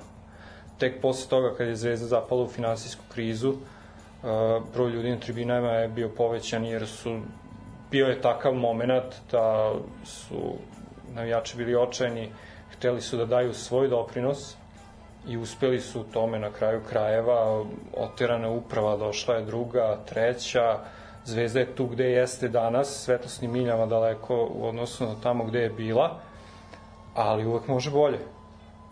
I baš iz tog razloga što smo dobili ono što smo hteli, možda se narod malo i zasitio, što opet nije opravdanje. Apsolutno nije opravdanje. Da, mislim, to je ono što, ono što smo baš komentarisali, eto, bili smo zajedno na, na protiv radničkog iz Kragujevca za vikend, ovaj, i prvo, to je bila jedna fantastična utakmica za gledati. Pazi, sedam golova je palo, ok, jedan je poništen, ali taj što je poništen bio prelep, prelep asistencija Natha, ovaj, zaista jedna utakmica to onda sedneš i da uživaš, pazi, lepi golovi, dobra dinamika, sve super, sve top. Ti si imao malo jače od hiljadu ljudi na tribinama, ovaj, a ja garantujem da se takva utakmica igrala u Novom Sadu, da se takva utakmica pa igrala u Kragujevcu, u Kruševcu, da bi ti imao, imao veći broj u, na tribinama. Ima, ali znaš, nije samo to, šta je interesantno, nešto je uvek, šta god da ponudiš u futbolu ne valja. Pre kad su bile, e, na primjer, i lošiji partizanovi i zvezdin teren, kao sada imamo, vid, podloge su tepih sada, e, pre je bilo, baš tada gledam ovo sve neke utakmice 0 do 2, vidi kako Bundesliga, gol, gol, gol. Evo ti sad šest golova, e onda, ali brate, loše su ovde. Da, nećemo da gledamo Zvezdu, Zvezda dobija svaku utakmicu s nulom, Zvezda se muči ove sezone, a ne valja Barak Bahar, ne valja da. ovo, ne valja ono, mislim... Ne, ako, ako je 5-0, onda je Liga loša, ako je 2-1 za Zvezdu, pa mučimo se, ne, da. ne, šta... Moraš... Znači, problem smo mi. problem smo mi, naravno, da, pa... pa jučerašnji izbori pokažu da su problemi. da, da, da, da. To je to. Što pa smo para dobijali, dobijali smo to. Evo, samo još nešto. Partizan je tu gde jeste zbog nas. Zato što se e, navijači Partizana ne pobune više jače. Da, taj, taj moment bojkota je dosta sulud. Mislim, naš, Apsolutno, da. To, to, to je Štrajk to, glađu. Štrajk glađu, pobeđujemo osmehom, pobeđujemo osmehom. Da, da. Nema, to, nema Janka da proziva. Nije, ne, ne proziva, ne, ba Janka ja obožavam, ovaj, ali, ja, a, znaš, a taj moment, znaš, jednostavno, nema bre od toga ništa, razumeš, mislim. Ja ne kažem da treba biti Sale Mutavić i šamarati vazuru, ne treba ni to raditi, ali dajte nešto, na, mora biti neki kompromis između, mora biti nešto. On je, on je šamaro vazuru, on je šamaro obezbeđenje. Dobro, da, išao da je vazuru, tendencija je bila ka šamarati Ni po ja da. a, uprave Crvene zvezde i Partizana, pogotovo, a i ostalih futbolskih klubova koji su pod ingerencijom države zaboravljaju da su oni tu zbog nas, a ne mi zbog njih. Tako je, i onog momenta kada shvate da, kao što TSC shvate da oni e, treba da žive od navijača danas sutra, onda će im se posvetiti. Pa će WC biti čist, pa će shop biti pun, pa ćeš imati hranu, pa ćeš Tako imati... Tako basice isto pa... pole o kojoj svi govore. Uf, vrhunska, pazi za 250 dinđi vrhunska Znaš, pa ćeš moći da popiješ bezalkoholno pivo, pa ćeš moći da popiješ čaj, kafu. E, ali pa vidiš, i taj moment mi se sviđa. Znači, mi smo isto pole i lepo se viramo pasicu. Nema onog pomodarstva. Ovde, znači, ja ću poludeti više od, od burgera širom Srbije, raznorad. Ovde samo E, ono malo... Hot dog je, Niko Vasica, hot dog. Pa dobro, što je, pa dobro šta je, daj, daj neku istorije, mislim, na, hoću ti kažem... to je vrhunski potez, da. Pa da, šta, ali nego, daj autentično u skladu sa tvojom zemljom. Ne, ne, okej, okay, slaž, da, dobro, pravo si, ali to je o tome da se, da se brine o tom navijaču, razumeš, da tu ima nekog maksimum. smisla. Znaš, malo je tu Vojvodina bila krenula, pa je zastala, malo tu, zavisi kako ko ima E, za razliku od Topole koja zaista ima sistem koji se brine o tom navijaču, u Vojvodini je dosta se sistem zasniva na odgovornosti pojedinca. Pa kad imaš našeg druga Miloša koji je bio ovaj tamo sve i svija za marketing i odnose s javnošću i njemu je bilo stalo čoveku, pritom radi u Arsenalu, znači zna šta kako funkcioniš ozbiljan klub i onda je naš na, na svoju neku želju, entuzijazam je to gurao. E sad kad je došla druga postava, malo to slabije ide, znaš. Ide mnogo slabije. Pa, ajde, nisam teo budem grub, s obzirom da je sarađujem s njima, pa neću budem grub, ali znaju oni šta ne mislim osim to. Uh, dobro, ajde ovu priču smo negde zaokružili, ja bi se bacio polako na ovaj, detaljnije malo na našu ligu i upravo taj spomenuti Novi Pazar, koji se lepo konsolidovao, bore se za Evropu, zanimljiva pojačanja su bila, pobedio se radnik 2-0, Ljajić gol i asistencija, Ljajić, ozbiljna klasa za, za domaću ligu. Ovaj, što se za Šćepovića ne može reći. ovaj, Šćepo Kadabra zaista pokazuje svoju magiju iz nedelje u nedelju. Stvarno čovjek, ovaj, tako, nes, nesretanje, brate mili, baš, ovaj, baš je to tužno. Uh, ono što treba reći, 2-1 pobeda protiv Radnika i Surdulice. Uh, Radnik je bio solidan, mora se priznati. Miličić je dao, Miličić je dao gol za 2-1, ali boga mi Uh, imali su igrača manje na kraju momci Surdulice, ali zaista je Pazar pokazao zašto ovakve utakmice neće neće ovaj prokockati ovo su ni bodovi koji ni moraju da osvajaju ako ćemo da ako ćemo se borimo za Evropu. I dobro se nose s tim pritiskom. Tako je. Znači, bilo je i ranije ekipa koja se ono da kažeš na koje nisi navikao u vrhu, pa jedne sezone naprave neku ekipu i popuštaju baš na ovakvim utakmicama. A Pazar znači kući ozbiljno melje, nema, nema problema, to i, i Partizan se izvukao nekako, sve ovo ostalo čisto. Komentar na Pazar, ajde, to si kretao više puta. Sam. A, ako izuzmemo politiku, Novi Pazar je tim ovakav kakav jeste koji fali srpskom futbolu. Uh -huh. ne znam da li vam je poznat podatak kada navijači Crne zvezde ili Partizana u šali kažu da su promenili ceo tim, to je da su doveli 11 igrača, Novi Pazar je ove godine doveo 31 igrača. Tako, da, komentarisali smo to kad je bio prelazni rok, da se bukvalno šleperima je dovezan, da. I to zajedno sa džinsom, džinsom da, Tursku ovo ali za razliku od TSC i Čukaričko koje smo kritikovali, oni su imali neku ideju, pa je doveden Suma, pa je doveden Ljajić koji je za naš futbal ozbiljna klasa. ako izuzmemo samo taj futbalski deo, Novi Pazar se bavi infrastrukturom, otvorili su hotel, juče prekriče ozbiljan objekat, tako da Stadion se sređuje, Licka se stadion sređuje. se sređuje, da. možda izađe u Evropu. A, ono što je po meni, ajde, rekao se ako izuzmemo politiku, ono što je meni najveći problem i što je definitivno kamen spoticanja u pazaru, a to su pojedinci na tribinama. Da. Ne većina, ali pojedinci. Apsolutno. I apsolutno to da. tako i sapliću, to li, da ne, neshvatljivo je da već koliko puta. Pa stadion je više prazan nego pun baš zbog Absolutno, pojedinaca. Da. A imali smo primer a, prošle godine kada je krenula liga, Pazar je bio jedno vreme prvi na tabeli, dočekani su bili u centru pazara, bila je masa od par hiljada ljudi, paljene su bake, da. niti jedan jedini politički incident nije bio da je neko viknuo ne. Gaćinović je bio trener. Gaćinović, da, da, Rapsodija bilo prvi 7 kola. 7, 7 pobjeda, da, da.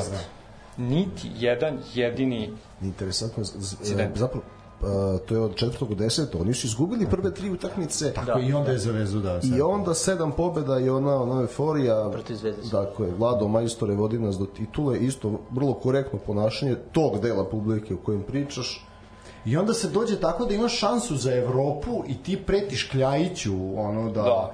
i, i napriš haos da ti Feđa Dudić u autu sazna šta se dešava i okrene se čovjek polukružno i vrati se, vrati se u Bosnu. Da. Oni ne znaju šta su propustili time što su ovo otirali Feđu Dudića, radnički kragove, zna zašto.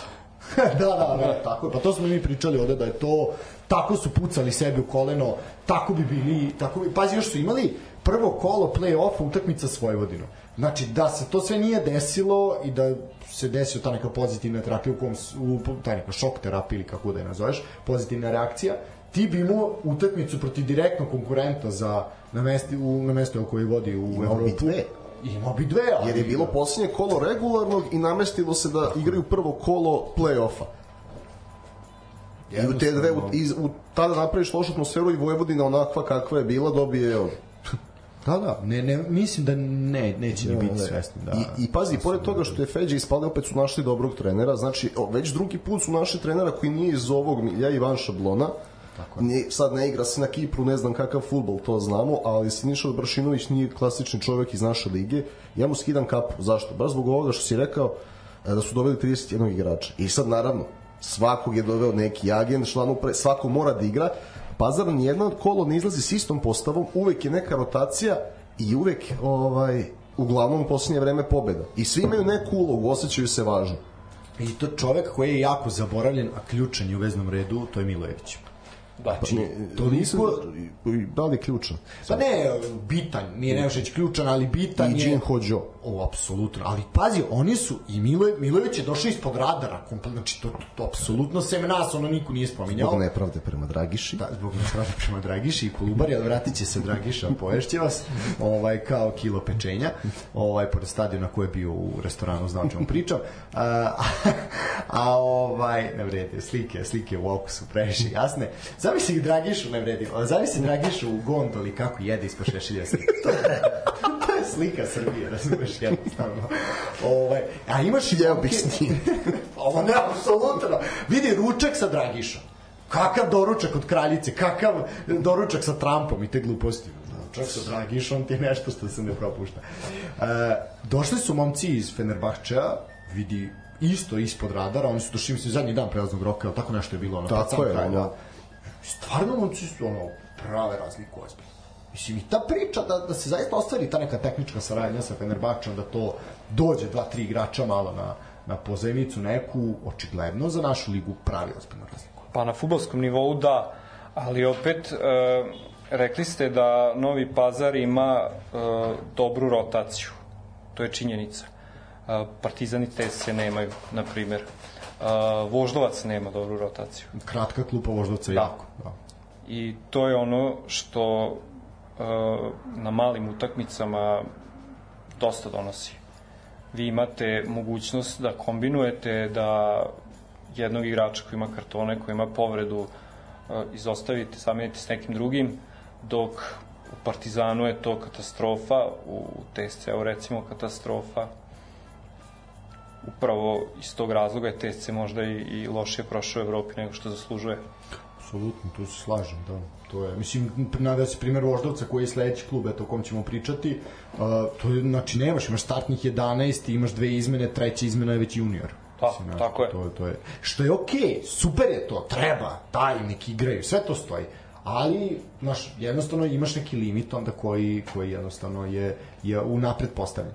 Uh, što se tiče Surdulice, je li konačno ali sezona kad ispadaju? Izgleda da. Jel to kako pa, nas, jel vas imate te klubove koji kažu ovi ne zaslužuju da igraju Superligu? A pa osam. Ajde. A meni je to recimo, eto, meni je to recimo simptomatično. Koliko, koliko? o, evo, ja ću, ja ću navesti recimo primer Nenada Lalatović, koji je preuzeo Spartak. I nje, o, ne, ali, ali hoću da kažem, ne, ne, ne, citiraću jednu njegovu izjavu i on koji god klub da preuzme, To je onako činjenica, a to su obično klubovi iz nekih većih sredina, Radnički Kragujevac, Radnički Niš, e, sad Spartak Subotica. I onda on kaže, e, Spartak, e, kao, Spartak kao klub i Subotica kao grad zaslužuje superligaša.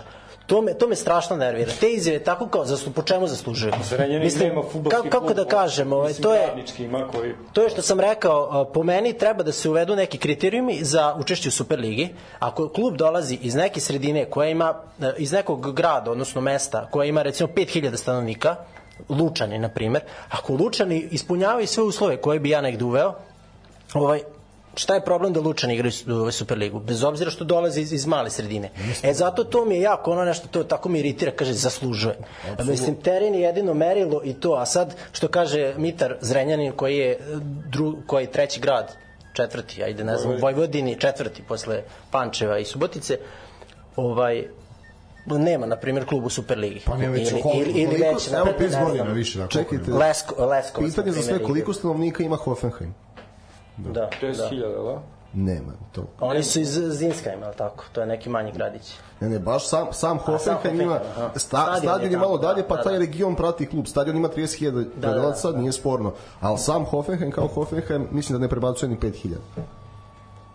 O tome priča. Ne, ne. Znači, ja smo i mi donji srem. Pa, ali smo i mi donji srem. Pa ne, nije, nije. Taj donji, taj donji srem je za neke klubove bio ozbiljan klub dok, dok ih je zanimalo da igraju. Da, da, ali kažem, to mi je pogrešna percepcija kad kažu zaslužuje. Mislim, ali to je treba... percepcija futbolskog saveza. Da, treba... Znači, tebi izađe futbolski, izvini sad, samo što da, da, da ti nabacim šlagvort za dalju priču. Da. Znači, tebi izađe futbolski savez, izvaničan stav je, e, čuvamo futbolske sredine u Srbiji, a opet stavljam znak pitanja koje futbolske sredine, ovaj, i zato što će svi igrati Superligu, znači to je, moraju da budu na najvećoj sceni, tako čuvamo futbalske centre, tako naš jednostavno, to je, to je zvaničan stav države i futbolskog sajza. Ne zaboravimo, predsednik države Aleksandar Vučić je apelovao na futbolski savez i on je odlučio koliko klubova će biti u ligi. Ne zaboravite taj moment nakon, nakon korone. Da je on na kraju imao tu, tu rečenicu u konferenciji gde je rekao biće 16. Znači, da. a u startu grešimo, razumeš, u startu imaš... Pa, pa on greši u startu, kaže što, a ne, rečenica je... Greši ono mnogo čemu, ali... Ključna rečenica tu je, zašto pravimo stadione da bismo skraćivali ligu? Pa valjda i druga i treća liga treba da imaju stadion, gospodine predsedniče. ja nemam ništa protiv da Timo, da Timo Bože, da Zaječar dobije, dobije stadion. Ja, po meni, apsolutno svaki grad treba da ima trening centar, treba da treba ima svako selo da ima. Ma, apsolutno. To što Futok dobija bazen, to što Kać ima bazen, to su normalne stvari. Nema bazen, nažalost. Kako zar nije radio u Kaću bazen? Kać nema bazen. Nije, ima dve hale, ali bazen nema. Kako nije bio bazen? Bio je otvoreni, ali... Bio je otvoreni bazen, da, da dobro. Ja to je nešto privatno bilo zato, ajde. Da, okej, okay. ajde, ali dobro, bio je, ajde, bio otvoren, kakav takav bio. A to su, da ima halu kakva je, kakav je hram, da ima, znači, to su ljudi normalne stvari. Apsolutno. Znači, to su normalne stvari da imaš sređeno igralište, da imaš košarkaške terene, da imaš teniske terene, da imaš sve vrste terena. Ja ne kažem da sad treba svako selo da ima ho, da igra hokej. Ne treba, razumeš, nismo ga nikad ni igrali, sve u redu. A za neke stvari, znači ako se taj rukomet igra u ovoj Vojvodini nesetno ja igra se, da, i svako selo ima rukometni klub. I to je, i svaki taj rukometni klub ima kakvu takvu tradiciju. Znaš, ajde da to negujemo, ajde da... Ima nekog igrača koji je zaigrao za reprezentaciju. Mislim da svako selo u Vojvodini ima, ima nekog reprezentativca, povremenog reprezentativca u rukometu. Pa čak i Futog ima, mislim. da.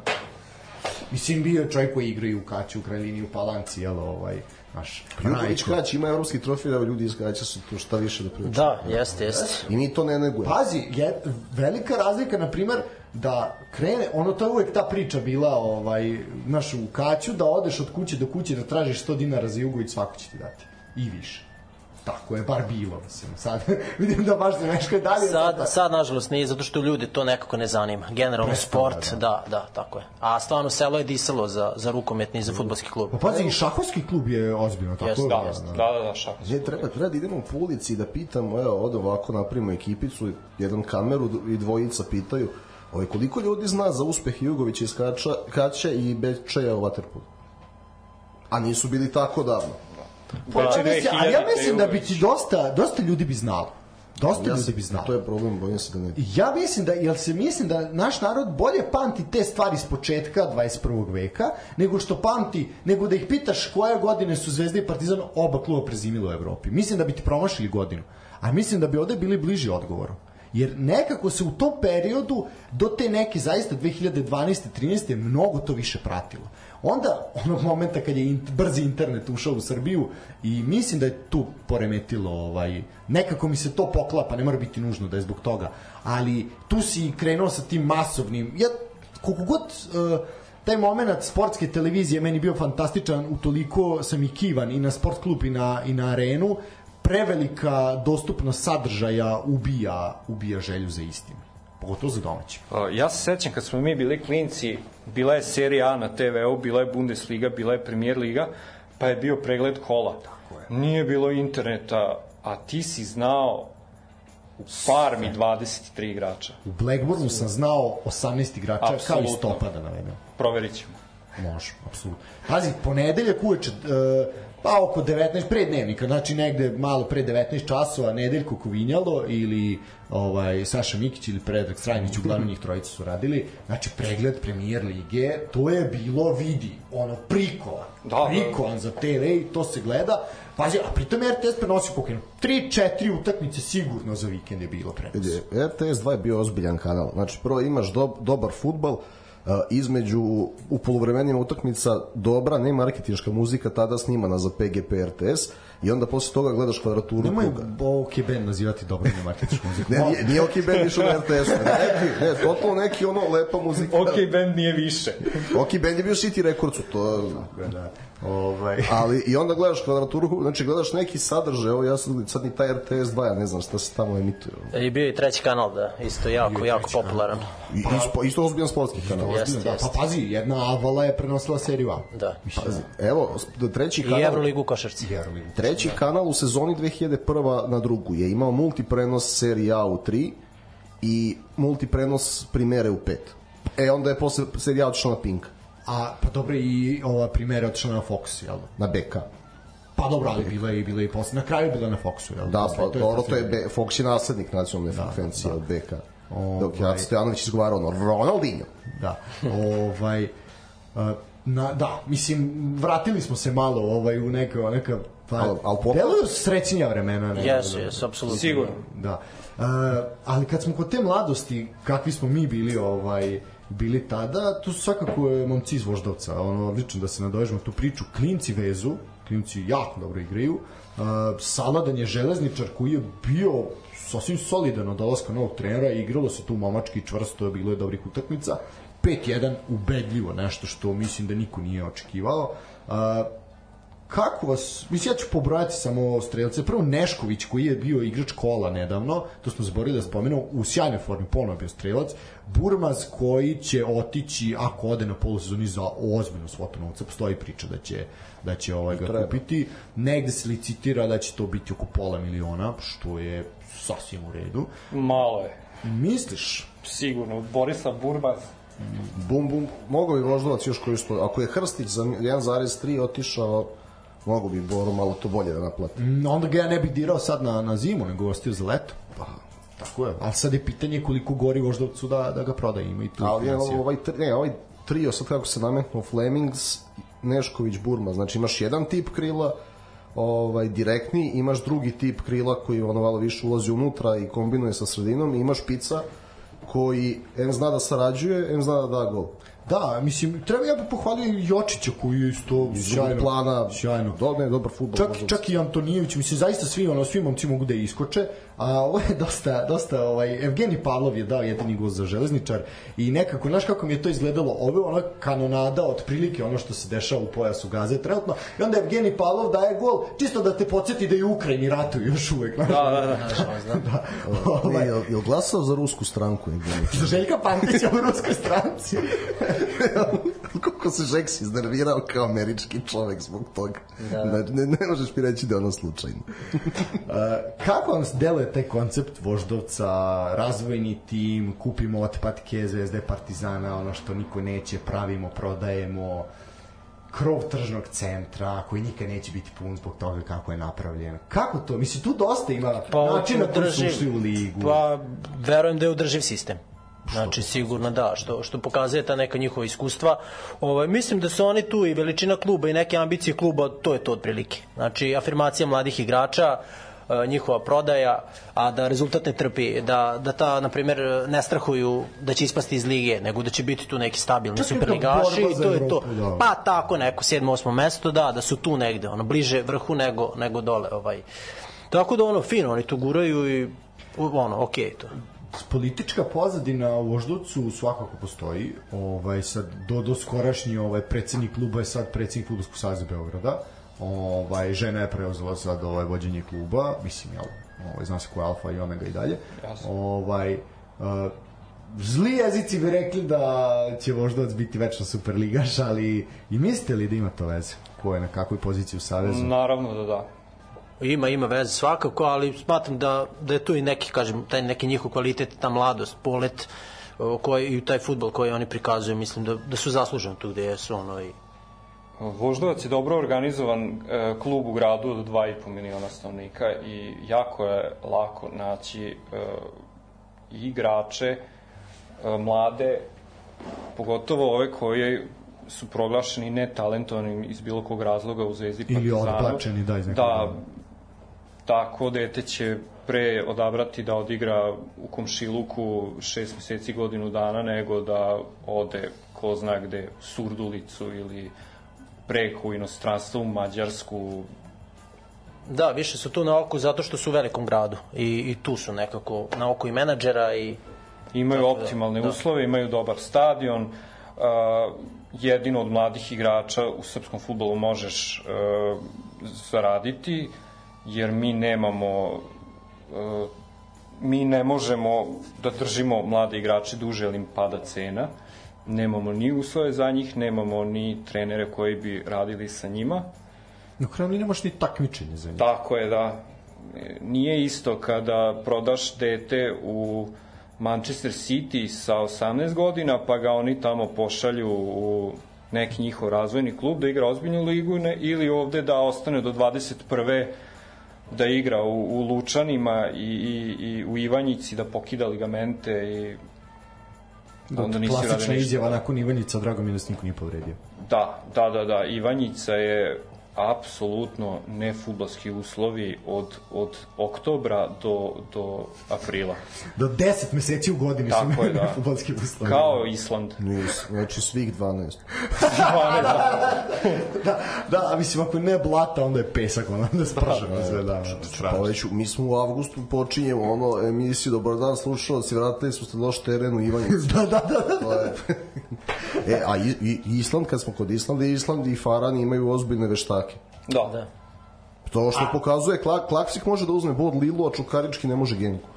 Znači, Ali pokazuje... zato i što su ljudi svesni u kakvoj klimi postoje i onda daj šta možemo da uradimo da to, da to ne bude šta još? Ja, Nemojte Breidelbig da, da, da zaboravite, koji je isto izborio plasman. Jeste. Da. Eto, da, ču, da ima ko da ne uzme bod sa Čukaričkim. Da. I, i Heken u Ligi Evrope. Ali u Liga Evrope je stvarno previše za Da. Heken, ko što i za TSC. Uh, nego, ali znaš šta je razlika? Ja sam gledao zbog prirode posla utakmicu svih tih liga i sam morao nekog igrača da pratim. Je, mi sam, tamo niko ne krade vreme. Ti ljudi žele, e to je, ja mislim da ovde igrači ne uživaju u futbalu. I to sad mogu da podelim jednu insajdersku informaciju sa vama, evo ovako možda će vam biti zanimljivo. A, drugar mi je trener analitičar u jednom superligašu i sarađuje s jednom reprezent, selekcijom reprezentativnom. Uglavnom, on je sa svojim jel, mentorima, starijim trenerima imao kontakte s našim poznatim futbalerima. Pa ga je zanimalo ko ima kakav pogled na futbol. I došlo je do razgovora sa Aleksandrom Kolarovim koji ga je prijatelj iznenadio i kaže nisam očekivao ovakav razgovor s Kolarovim, ali tu se vidi uticaj Gvardiole. Kaže, i Kolarov je rekao sledeći, do Gvardiole, i Kompani, i Aguero, i ja, svi smo gledali na futbol kao posao, dođeš, odradiš, izađeš. Kaže, s njim, ti samo ti ideš na trening, misliš šta će on da smisli na treningu, koju kombinaciju, koji ulaz u napad, koji pressing. Znači, pojenta je zainteresovati. Uživaš u futbalu. I kaže, promenio mi je pogled na futbol. I sad, ali kaže, nisam nikad mislio da ću želeti da budem trener, da bilo što da radim, daj da odradim i da završim. I onda ta neka kultura, Guardiola, Klopa, Dezerbija i tih ljudi koji sada srećom vode najjaču ligu sveta, ovaj, nema onih viski nos trenera, Ovaj, ja, ovaj... Premier Liga 90. Da, i, I onda o, te tako male državice su poprimile tu kulturu. Ta, futbal se voli, igrači uživaju u igri i žele da igraju. Nema ono da jedna čeka da legne, da, da krade vreme.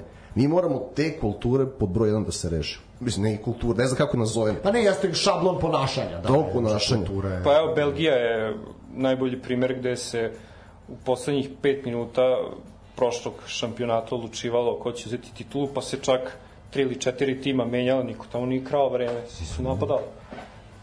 Pa to je to. Pa da, tu ima to malo i do mentaliteta našeg, sad ću ja da preverim sistem, znaš. A jeste, sigurno. da, tako da je to je problem. Mislim da se to, recimo, Čukaričkom obilo o glavu protiv Fener, uh, Ferenc Varoša, kad su vodili i onda su zbog jednog faula za koji su oni smatrali da je faul, kao je faul ovi su nastavili akciju dali su pobedonosni gol, je tako bilo? Beši, ne, nerešeno. Ili nerešeno, pa posle je Pešić u nadoknadi dao pobedonosni. Ali to, to je ono, znači, ej, jedan, jedan, pa igraj futbol, sudija nije svirao faul, igraj. A ne kao ja sad ležim 90 neki minuta i svirat kraj.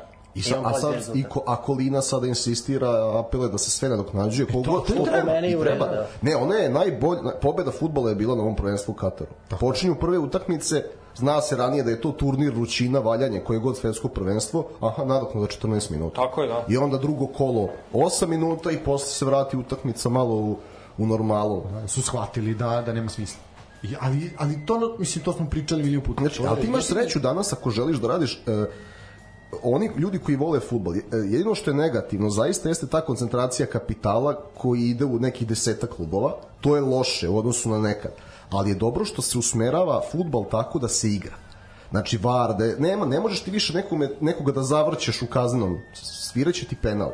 Ranije se neki Kordoba, Samuel, što bi Deki Stanković pričao, kaže, ne vidi se koliko te bije, i, ovaj, i ti tako igraš odbranu. Znači sad moraš da budeš dobar defanzivac, čist defanzivac. Mm. I onda ljudi kažu nema onih pravih defanzivaca ovog, pa naravno da nema zato što su igrali na prevaru ti sad moraš da igraš čisto. Tako i, znači, futbol se Kao u tom smeru... pa, I onda se vidi koliko znaš ili ne znaš. Kao Siniša Saničan. kako je, znači, kako je Živa rekao Dej Savićeviću?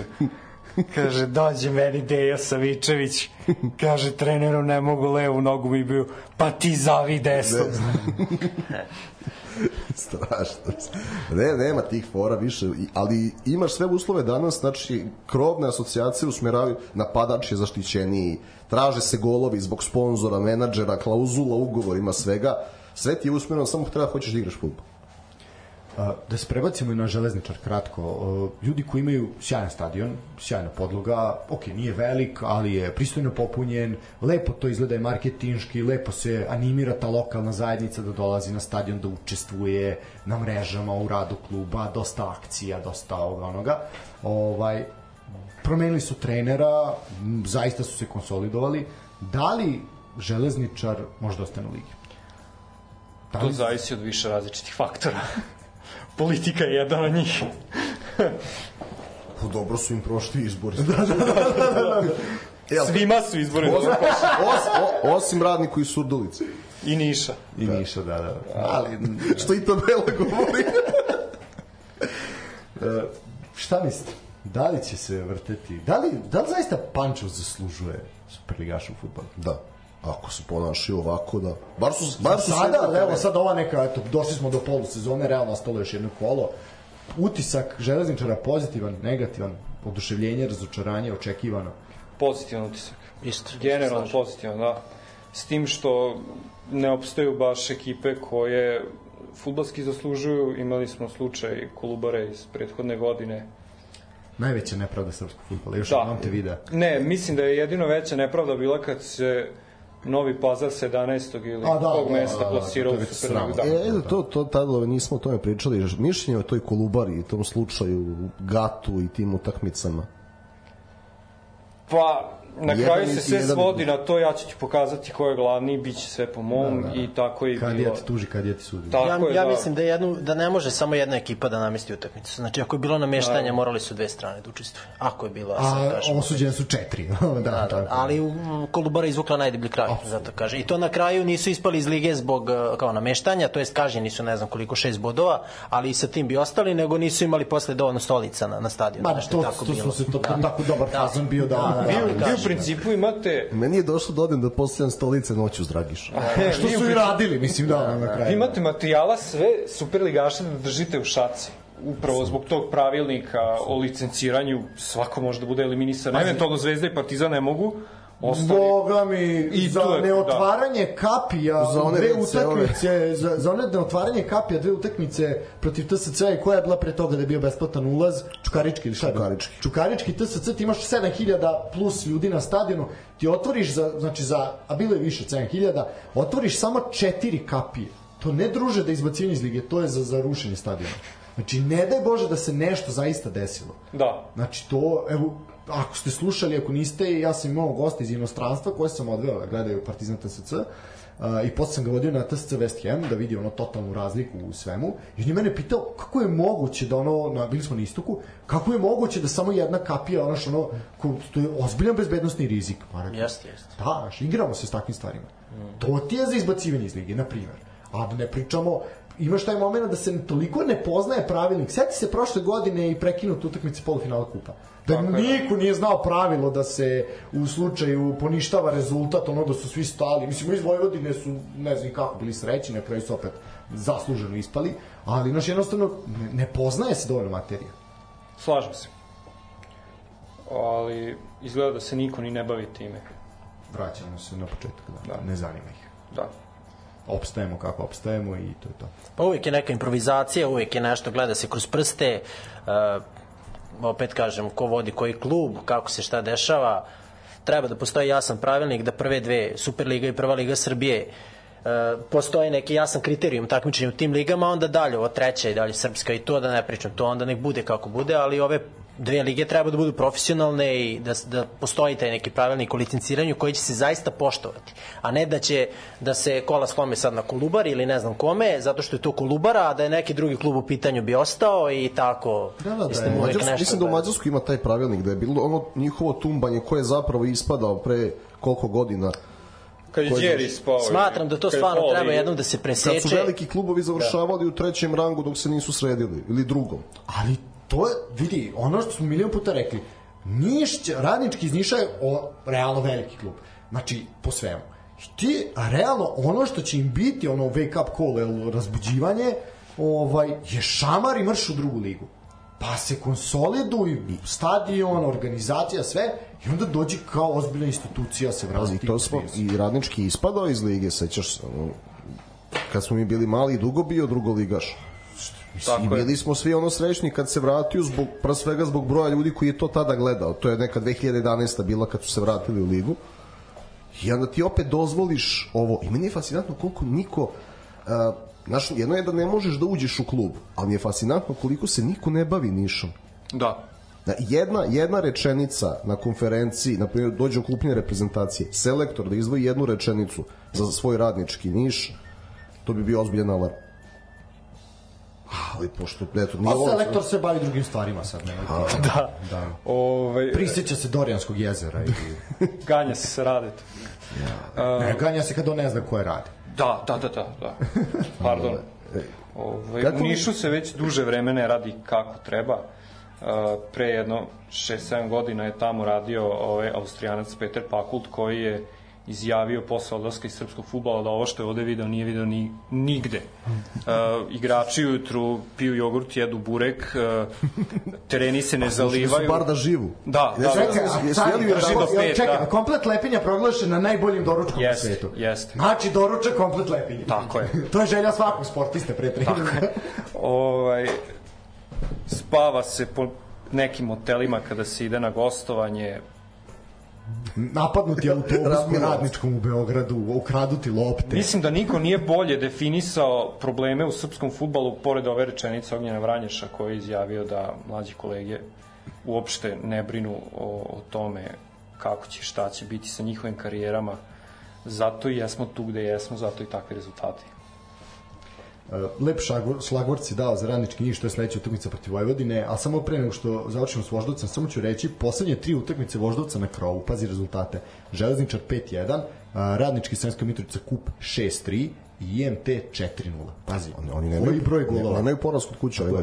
Koji broj golova, da, pazi, 15 golova, tri utakmice, ajde da vidim, ono, čak ni u nekim niželigaškim, ovaj, I znaš što je interesantno? Što im tako do, dođe im ekipa koja u datom momentu u dobroj formi, razmontiraju je za 20 minuta. Znači vidi se priprema utakmice. Uh, ponude stižu za Marka Savića ovaj, iz Rusije i ja bih zaista voleo da on ostane do kraja sezone. Mislim da shvatam ja unost, unosnost te ponude iz Rusije i to je sve jako lepo i odeš tamo, dariš ugovor, obezbedio si se, ali mislim da je njegovo vreme tek predstoji, ono, ja tako se nadam da neće otići prerano, znači treba da ostane još malo. A s druge strane se ne brinem jer znam da će Voždovac tražiti nekoga van šablona opet da, da radi. Apsolutno, apsolutno, tako je. Ali ne mogu svi da rade u Voždovcu i, i sada u IMT-u i u TSC-u. Znaš, to je problem. A to što, samo znači da treba... Znači, ako pričamo o ljudima koji su, znaš, kao ko je igrao dobar futbol u Superligi, do, Rade Koković bio u Voždovcu, Marko Savić Voždovac, Ilija Stolica, onomad, Voždovac, uh, razumeš, Nebojša Jandrić, Voždovac IMT. Sve se igra na, na krovu. Žarko Lazatić TSC i evo sad dolazi Feđa iz Bosne da igra nešto u Radničkom. Ne, nešto, ono je ozbiljno. Ono nešto, Pa, ono, pa igra, naravno, hoću, nego igra nešto drugačije u odnosu na ovo. Pa dobro, i To mi- prošle godine si imao... I Joksimović, evo Radnič, evo još jedna futbalska sredina i stvarno želim da naprave taj teren što pre i stadion. I, ali ne može sve da ide u par sredina. Znači, ja, meni, da niko se ne trudi da prepiše od njih nešto. Ne moraš ti sad da izmisliš novi stil igre. znači, samo... Kad smo kod prepisivanja. Kako se, mi, misliš da se ne trude da prepišu, jer Zbilić prepisuje sve od predsjednika. Jer su izjave za dve najkasnije tri godine ćemo biti šampioni. Jel tako? Jel ove godine eventualno sledeći sređujemo stadion? Vidi, Dragoljub Zbiljić je ozbiljan hibrid Zvezdana Terzića, Aleksandra Vučića i Ostoje Milović. Ja bi dosta rekao, jeste, slažem se, iako frizurom podsjeća na palmu, ali bih ja rekao da on dosta, ko što smo rekli da je ovaj Sali Ekspresa, meni on dosta Zvezdan Terzi Sali Ekspresa. Ne, i ovde je Ostoja Milović isto, vidi, ovo, uh, u tim reformama kluba, dve do tri godine, sad Euroliga. A to je sad- ista priča. Kako de nauče te rečeni? Mislim, zna jasno gde nauče ovaj. Ali, znaš, ono, sad, aj nemoj, nemoj samo reći istu glupost, aj ono promeni makar, znaš, ono nešto. marketing, navijači, sezonske karte. Činjenica je da u Vojvodini nikad nije bilo ovoliko para koliko ih sad To jeste, Da. de facto istina. To jeste istina.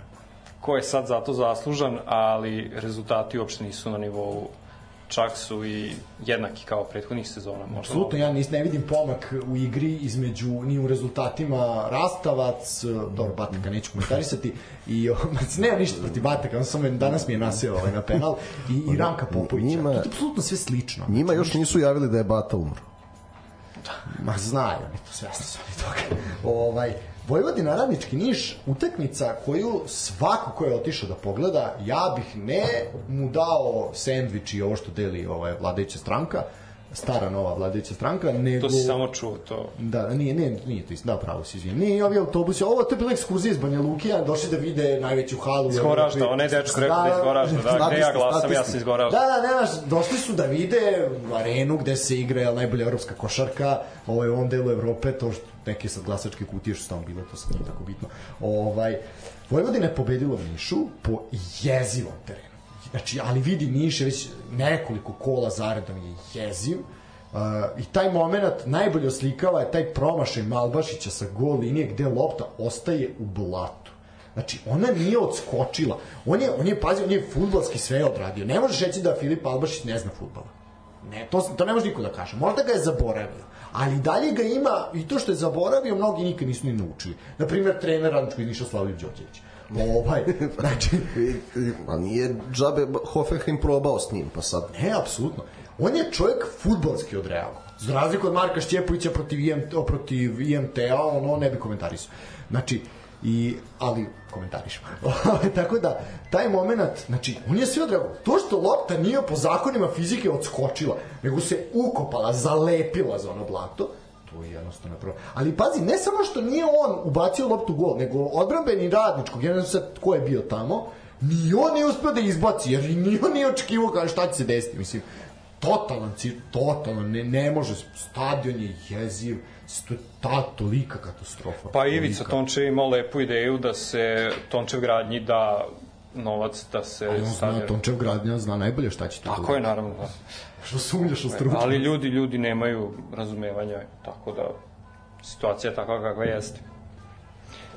Da li je Niš zreo za ispadanje? Da. Da li ćemo ga videti zaista u prvoj Ne. Ne. ali to ove kratke, kratke, ali da je dovoljno jasno. Šta može Vojvodina?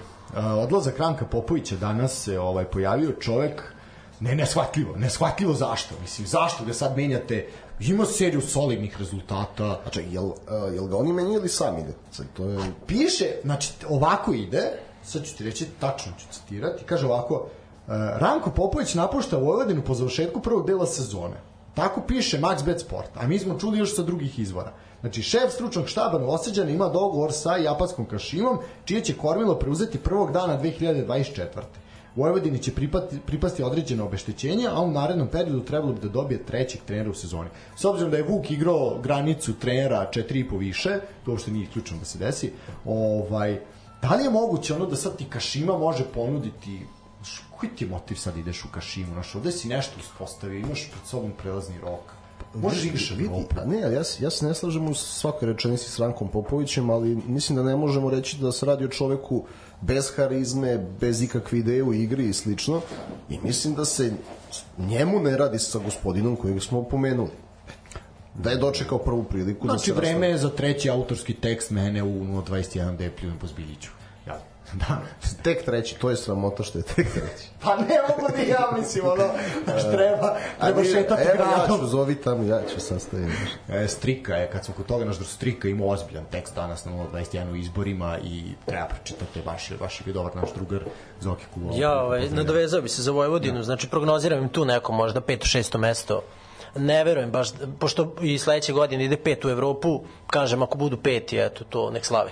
Ono. A, neverovatno je kako su loši isto odrali prelazni rok da. za tu utakmicu sa Apoelom, baš, baš, mislim, doveli su pojačanja dan pred utakmicu, koja naravno nisu mogli da igraju, ali ispostavit se ni ta pojačanja nisu, bog zna šta, a, Vojvodina koji je tim nesvatljivo visoko na tabeli, a da ima najlošiji golman po meni u ligi, Znači, Carević je onako baš ozbiljnim nekim, osim protiv Partizana tu se bio razbranio, ali...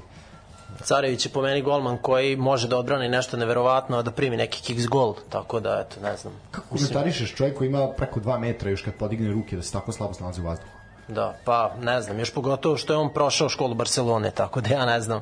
U koja je to Barcelona? Možda je to neka Barcelona iz, iz možda nije ovaj Španija, možda je neka Barcelona iz, iz, ne, iz neke druge države. Barcelona ne trenira igru u vazduh.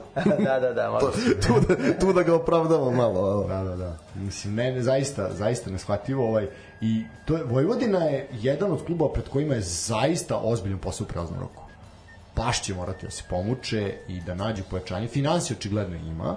S tim da onda, znaš, ima para, ima para i onda prodaš Čumića kao neshvatljivo i razlog za prodaju čovjeka koji je vuko apsolutno celu ekipu je financije. Trebaju nam pare. Kako to sad od jedan put i trebaju novci, a vamo pričaš kako možeš i pokazuješ ugovorima da možeš da možeš da se nosiš sa, pa, drugim, sa najvećim klubom u ligi. Karti, pare u rukama jednih i drugih nisu iste. To što Vojvodina ima neka finansijska sredstva ne garantuje da će Malo sam pričao. moći da, da nađe adekvatna pojačanja. Ovaj, pogotovo iz razloga što smo elaborirali na početku da ovde menadžeri nude igrače, nema skautinga, teško. Vojvodina se e, preoslanjala na svoju omladinsku školu, sad je ona zatajila i to ozbiljno zatajila. Skoro pa je više ni nema. A mladinci, mislim, ajde sad omladinska škola opet različitim kategorijama ima uspehe u, u takmičenju u svojim kategorijama. Ima, ali nije to taj nivo rada koji je bio pred 15 godina, 20, da ne pominjemo još 90. i ranije. E, I znaš, znaš ne govori, to isto, to za menadžere. E, menadžeri, ima ih raznih, ali oni ipak gledaju prvo svoj interes. Najgore je što i oni kakvi su da su, oni umeju da ponudu izuzetno dobre igrače. Problem je što ili nismo spremni da ih dovoljno ili redovno platimo, ili kažu ne možemo tog, ali da i ovog nema veze što nije ovaj taj kvalitet, zvuči dobro, upakovaćemo to nekako. Znači nisu čak ni oni najveći kancer. Men, dobar menadžer radi u svom interesu i pomoći ti dobrog igrača ti u svačoj agenciji nama poznatih menadžera imaš izuzetni igrača, nego mi, mi ne znamo da odaberemo. Pa znaju menadžeri kome šta treba da ponude. Ko je koliko naivan. Evo primjer šerifa NDI-a. ne, da, ne shvatljivo. Meni čovjek, ja, ja ne znam da svako ko je odgledao jednu utakmicu ali, Gorice je bilo jasno. E, ali, znači da kažeš da ti nije bio tu Ne, evo ja evo da, da, ovaj, ma mene su pitali evo jedan čovjek koji je imao kontakt u tom momentu s Partizanom ako ode e, Sadik je otišao pa je došao Baje Bek pa nisu bili naravno nije igrao ništa. Da li da ga nudi Partizanu kad tad iako je i on pretpostavio da Partizan neće hteti da plati ali kao da ponudim ja kako nemoj čuvaš. Nemoj molim te znaš. Još pazi 4,3 miliona i bonusi neshvatljivo puno para neshvatljivo puno to je obeštećenje a plata 1,2 miliona godišnje. Joj joj Da li, je, da li je šerif dao jedan gol u ligi? Mislim da je na nula golova. Ima gol jedan Ima Boys u Beogradu i u kupu, kupu dva. Da, da. Tako je, da. da, da. A ne, je jezivo. I neće Ovo je momak što igra napadača za, za radnički Nigerijac je Jeffrey Chinedu.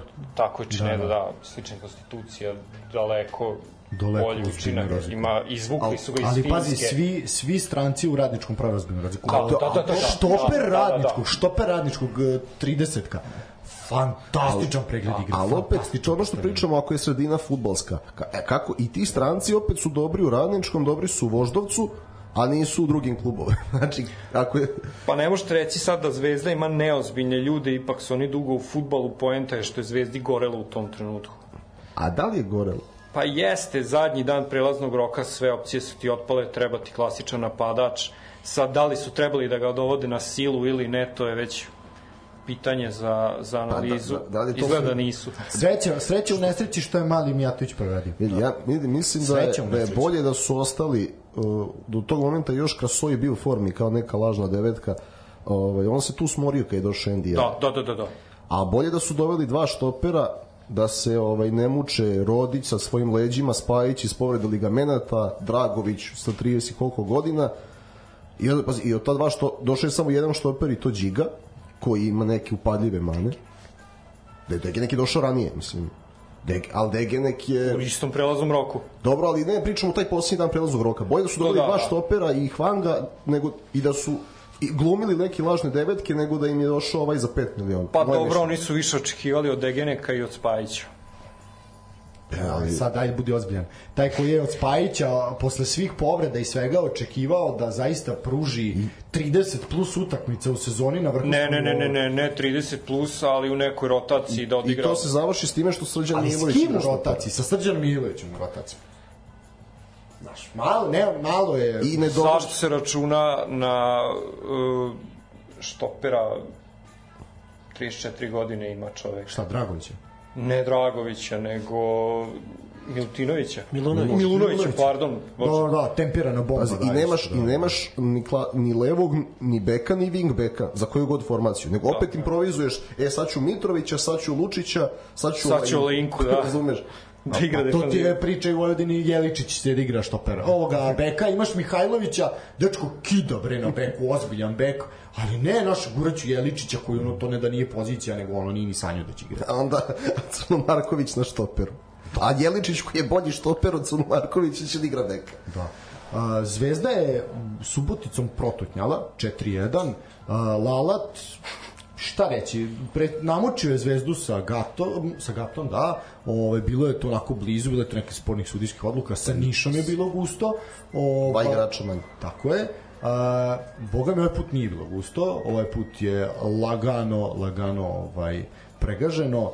A, šta mislite da domet, ajde Zvezdi smo dosta pričali, pričat ćemo još malo kako budemo najavljivati derbi, ajde reći ću Mladi Mijatović, hat-trick, mlad klinac, pazi, da nije procvetao pitanje šta bi bilo od Zvezde, zaista onako, ovaj, on je pa prednost naše zaostalosti opet naš neko iskočio ovaj ne, znam, ne znam da li je očekivano ne znam da su oni očekivali to od njega i jesu. Ba, Bahar jeste i zato je mislim i one pripreme koje smo pominjali da su dobro rađene dobili su minute i Nedeljković i on, čak se očekivalo da će Šljivić imati više minuta, ali na to se zaboravilo kad je Hvanko pisao. E, tako da te generacije 2005 Zvezdine i Miloš Milojević je mnogo očekivao, Baharu se svidelo šta je zatekao, Tako da ovo je plod jednog dobrog rada jedne generacije. Vidimo da znači sve 0-5 taj za reč. Da. Ja Reći ću Kosta Nedeljković po meni sjajni isto partije, produžio ugovor do 2027. i to je jako lepo. Uh, rekli smo Mijatović tri pogotka, Kataj je dodao jedan i Andrej Todorovski je bio strelac za, za Spartak. Šta je domet Lalata u Spartaku? Može li popravi utisak iz Gata gde je bio kriminalno loš? Ili je Lalata u vreme prošlo? trener trener momenta da dođe, da zapali da, ekipu, period, da, da, da ih oporavi, da ih digne, ali dalje od toga ne. Da li je njegovo vreme prošlo činjeno čuda i vezivanje nekih pobeda i ono opstanaka nekih neviđenih, ono Great Escape i ne znam, po izlazak u Evropu i tako dalje. Da li je pročitana knjiga? A, ne, zato što u srpskom futbolu vreme stoji. Ali mislim da opstanak sa Spartakom da se neće dovoditi u pitanje. Mislim da, da će, nije, da će on doveden da. zbog opstanka. Da, znam, jasno, jasno. On je rekao, najavio gornju polovinu, tako je, tako je, ovaj, da bude u, u play-offu, tako je. Teško će to. I ja mislim da će teško. Da. Biće, da. Možda deseti. Pa od to 9. do 11. Da. da završi. Pa to je negde sudbina Spartaka, mislim, i realno, da, da budu u vrhu te play-out zone, da, mislim da koliko god mi voleli da i želeli da oni budu u Evropi, mislim da to realno nije Ove godine je nerealno. Pa i zadnjih par godina zaista pa. ne, nije, nije bilo. I sledeći par. Pa i tako i deluje, da je tu je isto poprilično Rasula u klubu, dve struje isto, Gradska i ova druga. No, mislim da se sad nametnulo jasno kojih šest ekipa se bori za ovih pet pozicija i da će radnički iz Kragujevca biti sedma u nekom momentu, vide se neka ambicija, a svi ostali što se tiče Evrope ne vidim ih. Ono, mislim, sve se ovde dešava preko noći, ali nekako se kristališe ovih top 7. Ima i taj kup, nemojte se ko svoj kup. A, kup toliko za postavljeno takmičenje. Tako je. A sami smo a puno donosi. A puno donosi, ali, ali smo ga mi neverovatno skrajnuli. Mislim, mi mislim i na futbolski savez. Kup donosi 4 miliona evra, tako? Ako se, da, ako jeste, da. kup, idete za garantovanu... Tako, tako je, tako je, da. Ali jednostavno vidiš toliko, mi pazi, ne zna se datum žreba za narednog kola kupa. Znači, toliko ga ono odrađuju, ali bukvalno reč odrađuju, skidaju sa tezisa. A u ovoj rundi smo videli odličan futbol u kupu. Fantastične utakmice po izuzetno lošim vremenskim uslovima. Znači, čak Kup je rak rana niželigaškog futbala i bila je tu jedna odlična ideja. Uh, razlog zato š, zašto se kup tako odrađuje je taj što uh, ekipe neće da snose E, finansijske obaveze dodatne u odnosu na one koje imaju u redovnom takmičenju ligaškom. Tako. Međutim, bila je neka ideja da uh, ekipa koja prođe u kupu ne snosi troškove utakmice. Dobro. Dakle, vi imate neki tim koji izgubi odmah da ne bi plaćao troškove puta, da ne bi plaćao troškove sudija, da ne bi plaćao troškove organizacije, svega ostalog, e, ekipa koja prolazi dalje u kupu, onaj koji izgubi plaća sve ostalo. Da to je ozbiljno. To bi se možda rešilo nekom jedinstvenom kotizacijom koja bi pokrila sve to. A pazi, ok, sam trenutak, ako imaš jedinstvenu kotizaciju, imaš taj moment kao na primjer u rukometnom kupu da ekipe neće da učestvuju. Ne plati kotizaciju. Samim tim Pa nije to neka velika kotizacija, jer ti u principu plaćaš samo u utakmicu koju si izgubio. Izgubiš prvo kolo, platio si. Izgubiš drugo kolo, platio si. Izgubiš polufinale, platio si. Dakle, kotizaciju troškova za jednu utakmicu. Dobro, da, okej, okay, pravo si, da. Hm. Međutim, kup ne interesuje nikog. Pogotovo ne u nižim ligama. Ne, ja bih tu napravio, pošto sad ipak neki dinar može da se uzme od arene, TV prava i to smo videli. Znači, na primjer, znam kad je, ko je objavio, mislim da je Vazura negde gostovo, pa je rekao da ima 950.000 od TV prava samo od naše lige. Što je mene iznenadilo, govori koliko smo bedni da je i tih 950.000 ok za ono što je bilo. Znači, ta neka sića, ja bih ovaj, stavio nešto da bude kao što u Engleskoj, ok, oni imaju dva kupa, ali u ovom FA kupu top klubovi kreću od trećeg kola. Tako je. Ja bih stavio, znači, da nižaligaši učestvuju u kupu, da se to gleda, jer mi svakako, evo, pa kad se pravi kalendar, e, Savez zaboravi kuda ne očekuje da će ekipe da uđu u grupnu fazu. I onda se kup, Zvezda i Partizan igrali kup u reprezentativnoj pauzi. Partizan jednom ispao od Radničkog iz Sremske Mitrovice, mislim. I onda, hajde nek niže ligaši igraju kup, da se napravi TV prava. Pa onda ako žreb, ne znam, zalomi neki lokalni derbi, a da su možda i različiti rangovi, kao što su sad imali hype Novi Sad Vojvodina, Pa ima si hype i Kragovac Smederevo. Pa šta, to, šta god, znači sigurno bi bilo, bilo kak, da, da, da se napravi neka priča od toga i onda ti lepo, ne, nek Zvezda Partizan igraju da naprave u Evropi šta mogu tokom jeseni, ako mogu, uključi ih lepo od februara u kup i završi posao.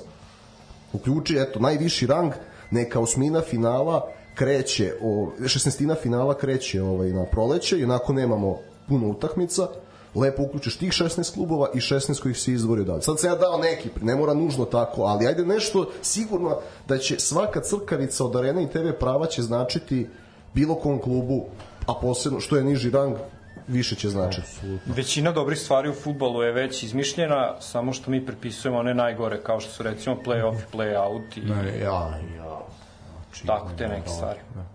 Uh, ajde kratko samo ovaj Lučani napredak bila je jedna ozbiljna utakmica, pogotovo završnica je bila jako, jako dobra, u dva gola u nadoknadi, prvo je, prvo Zličić, kog moram da pohvalim, koji sjajno igra ovaj, u Da. napredku, baš je ovaj Zlika je podigao formu ozbiljno, lep gol ponovo, ovaj, zaista onako vezao nekoliko dobrih utakmica. Uh, Friday On je, on je pravi super ligaški igrač, Jeste, znači te, jeste. tehnika u mestu, prekid, to je to. potez, Friday u 90. za 1-1 i onda Milošević autogol u 98. u napredak nosi nosi sva tri boda z dosta, prvo jako bitna pobeda za napredak i za, za Gaćinovića, ovaj, baš onako mislim da će ovo biti pobeda koja će onako malo preokrenuti stvari stvari u, u nekom boljem smeru, pogotovo sad pred pauzu. Uh, Lučani dosta zanimljivi ove, sezone, ove sezone nakon nekoliko solidnih transfera, ovaj pr, pr, mislimo na Gordića i na Jojića, tu su sad i neki ovaj još ponovo Srem, ovaj Sremčević je sad tu jel kao kao neki ne, naredni veliki transfer. Uh, Lučani po meni više nego ikad zaslužuju dobru poziciju u ligi i onako napravili su, shvatili su da namenske industrije više ne mogu da žive, sponzora nema, ovaj, jednostavno imali smo taj moment da se sin- sindikat namenske industrije buni što daju ozbiljna sredstva klubu, naš ono ipak radnici jako teško i loše žive, ovaj, i klub je shvatio, ok, ne može više se ovako, daj da promenimo, promenimo priču i pije vodu, mislim. Znači, pokazuje da se može, samo treba malo zagrebati. Ja kod Lučana cenim što ne cenim način na koji igraju futbal, ali cenim što je njih, oni znaju da ubace legalan prihod u klub. Tako je. Mislim, što bi trebalo bude normalno, ali mi se time oduševljavamo. Da. Lu- Lučani imaju, ako se ne varam, njihov kapiten Milošević, e, on je ima 40 godina, tako nešto, 39. Imaju do, dosta staru I, ekipu. i da. ovaj... e, Pa, tu Tumbasević. je- Tumbasević, da. Tumbasević, pa Da, da, da. Stamenković ti je tu. Tako je, tako je. Osam igrača starijih od 34 Ovo je, godine. hoće da kažem, imaju, da. Udovičić i Varačić su sa ovih okruglu 30-31 među mlađima. I, iskusna ekipa, ali eto znaju da izguraju te mlade momke kao, kao što si kao što si već ovaj spomenuo Gordića i, i ovaj Jojića, Jojića, da, evo sad je sledeći Sremčević. I Jovan Znači, je- koji je debitovao 2007. Još mlađi. Tako. To je to je stvarno eto što što kažeš jako dobra priča. Ovaj mogu da uzmu znači za tog jednog igrača ako prodaju imaju godišnji budžet, to je sigurno. Ako mislim Da, a, napredak, kažem, malo podigao se sa Gaćinovićem i verujem da ono isto ozbiljno, prvo jako su loše odradili prelazni rok, mislim da su izvukli neki maksimum od svega ovoga što je urađeno. To je ono što, to je ono što sam rekao, Anđus kad kaže, ono, tehnika u mestu, ala rizna živeli. to ti je napredak. Ovaj, ali zaista ono sad je tu Gaćinović i ajde da vidimo šta će biti, šta će biti na proleće. Mislim definitivno imali smo jedan miran prelazni rok, ajde ako izuzmemo Zvezdu i Partizan ovaj letos. Uh, mislim da ovaj zimski bi morao biti ozbiljniji. Kako je miran čoveče, pa svi su doveli kamaru igrača. Pa dobro, ali... Posebno ovo što je ovo stavljeno do 15. da Pa dobro, ali jesu doveli, ajde dobro, ako izuzmemo Novi Pazar i ovo. i radnički i voždi. Pa dobro, ali sve je to prošlo nekako ispod radara. Osim, mislim da je najveću, na kraju ako izuzmemo Zvezdu i Partizan, najviše ti uzeo... Čukarički takođe. Pa Čukarički šta radi ništa, mislim... Pa doveo par ovih stranaca, Pa, štoperski dobro, par. i Sve je to nekako tanko. Nisu, nisu bile neke bombe. Nije bilo bombe, da. Falivica Ilija zato Da, da, da, da, da, da. Ja garantujem. E, ja da- očekujem, ja očekujem kad ozbiljniji dovede bilo koga, bar znaš da, da ga je doveo. Da, znači, da, on da. mora da, da, da se pohvali. Ne, vidi, ja očekujem ozbiljniji prelazni da. rok, ja, da, da, da, da. Ove, ja očekujem stvarno ozbiljniji prelazni rok, jer zaista mnogima škripi na mnogo pozicija i mislim da će biti onako, biti pojačanja. A, napredak je jedna od ekipa koje smo ovaj, zaboravili kada smo nabrajali klubove sa kratkom klubom. A zanimljivo je u srpskom futbolu što je uvedeno ovo pravilo da EU igrači nisu stranci. Međutim, niko to baš i ne pridaje nešto značaja. Pa u napretku je stonac, ali tako? Uh, da li je? Jeste. Ne jeste, ali, Jeste onako ali opet, ne, ne, ali evo, ko je to opet iskoristio? Zvezda, Partizan dobro očekivano, Novi Pazar i donekle radnički Kragujevac i Voždovac. Tako je. I to pa znamo da, da u Voždovcu uopšte nisu velike plate. Ja mislim da napredak može možda i više da plati igrača nego Voždovac. Mm, Pitanje. Pitanje imao si predsjednika kluba koji je izašao i rekao da baš to i nije tako. Mislim, pa je čovjek dao otkaz, pa je bila prote... jedina protestna šetnja koju je upalila u Srbiji je p- šetnja podrške predsjedniku napretka koji je Se vratio. Koji se vratio. Pa šta će da vidi onu decu na ulici? Naravno da se vratiti. Mislim, to... Ali tako treba da Srbija protiv nasilja vidi, e, tako se šeta. Šeta Pa gradom. ali oni su bili optimistični, razumeš? Ne možeš tako, evo sad čujem da Đilas opet plače. Ovaj, znači, o, mora malo kontra, malo vedrine. Pa su bilo kontra, pobeđujemo osmehom, pa ništa. Ne može, mislim, jednostavno ne ide.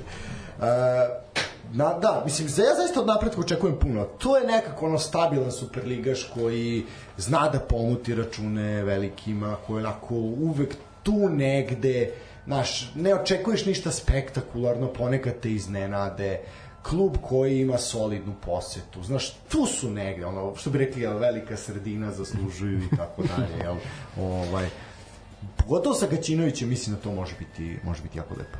Imali su, bio je tu i Dušan Đorđević, bilo je tu još, još trenera ovaj, koji su bili onako zanimljivi, koji čirat pratimo i koje hvalimo, ali mislim da onako sa Gaćinovićem može biti neki preporod Kruševca i da ono... Ne može.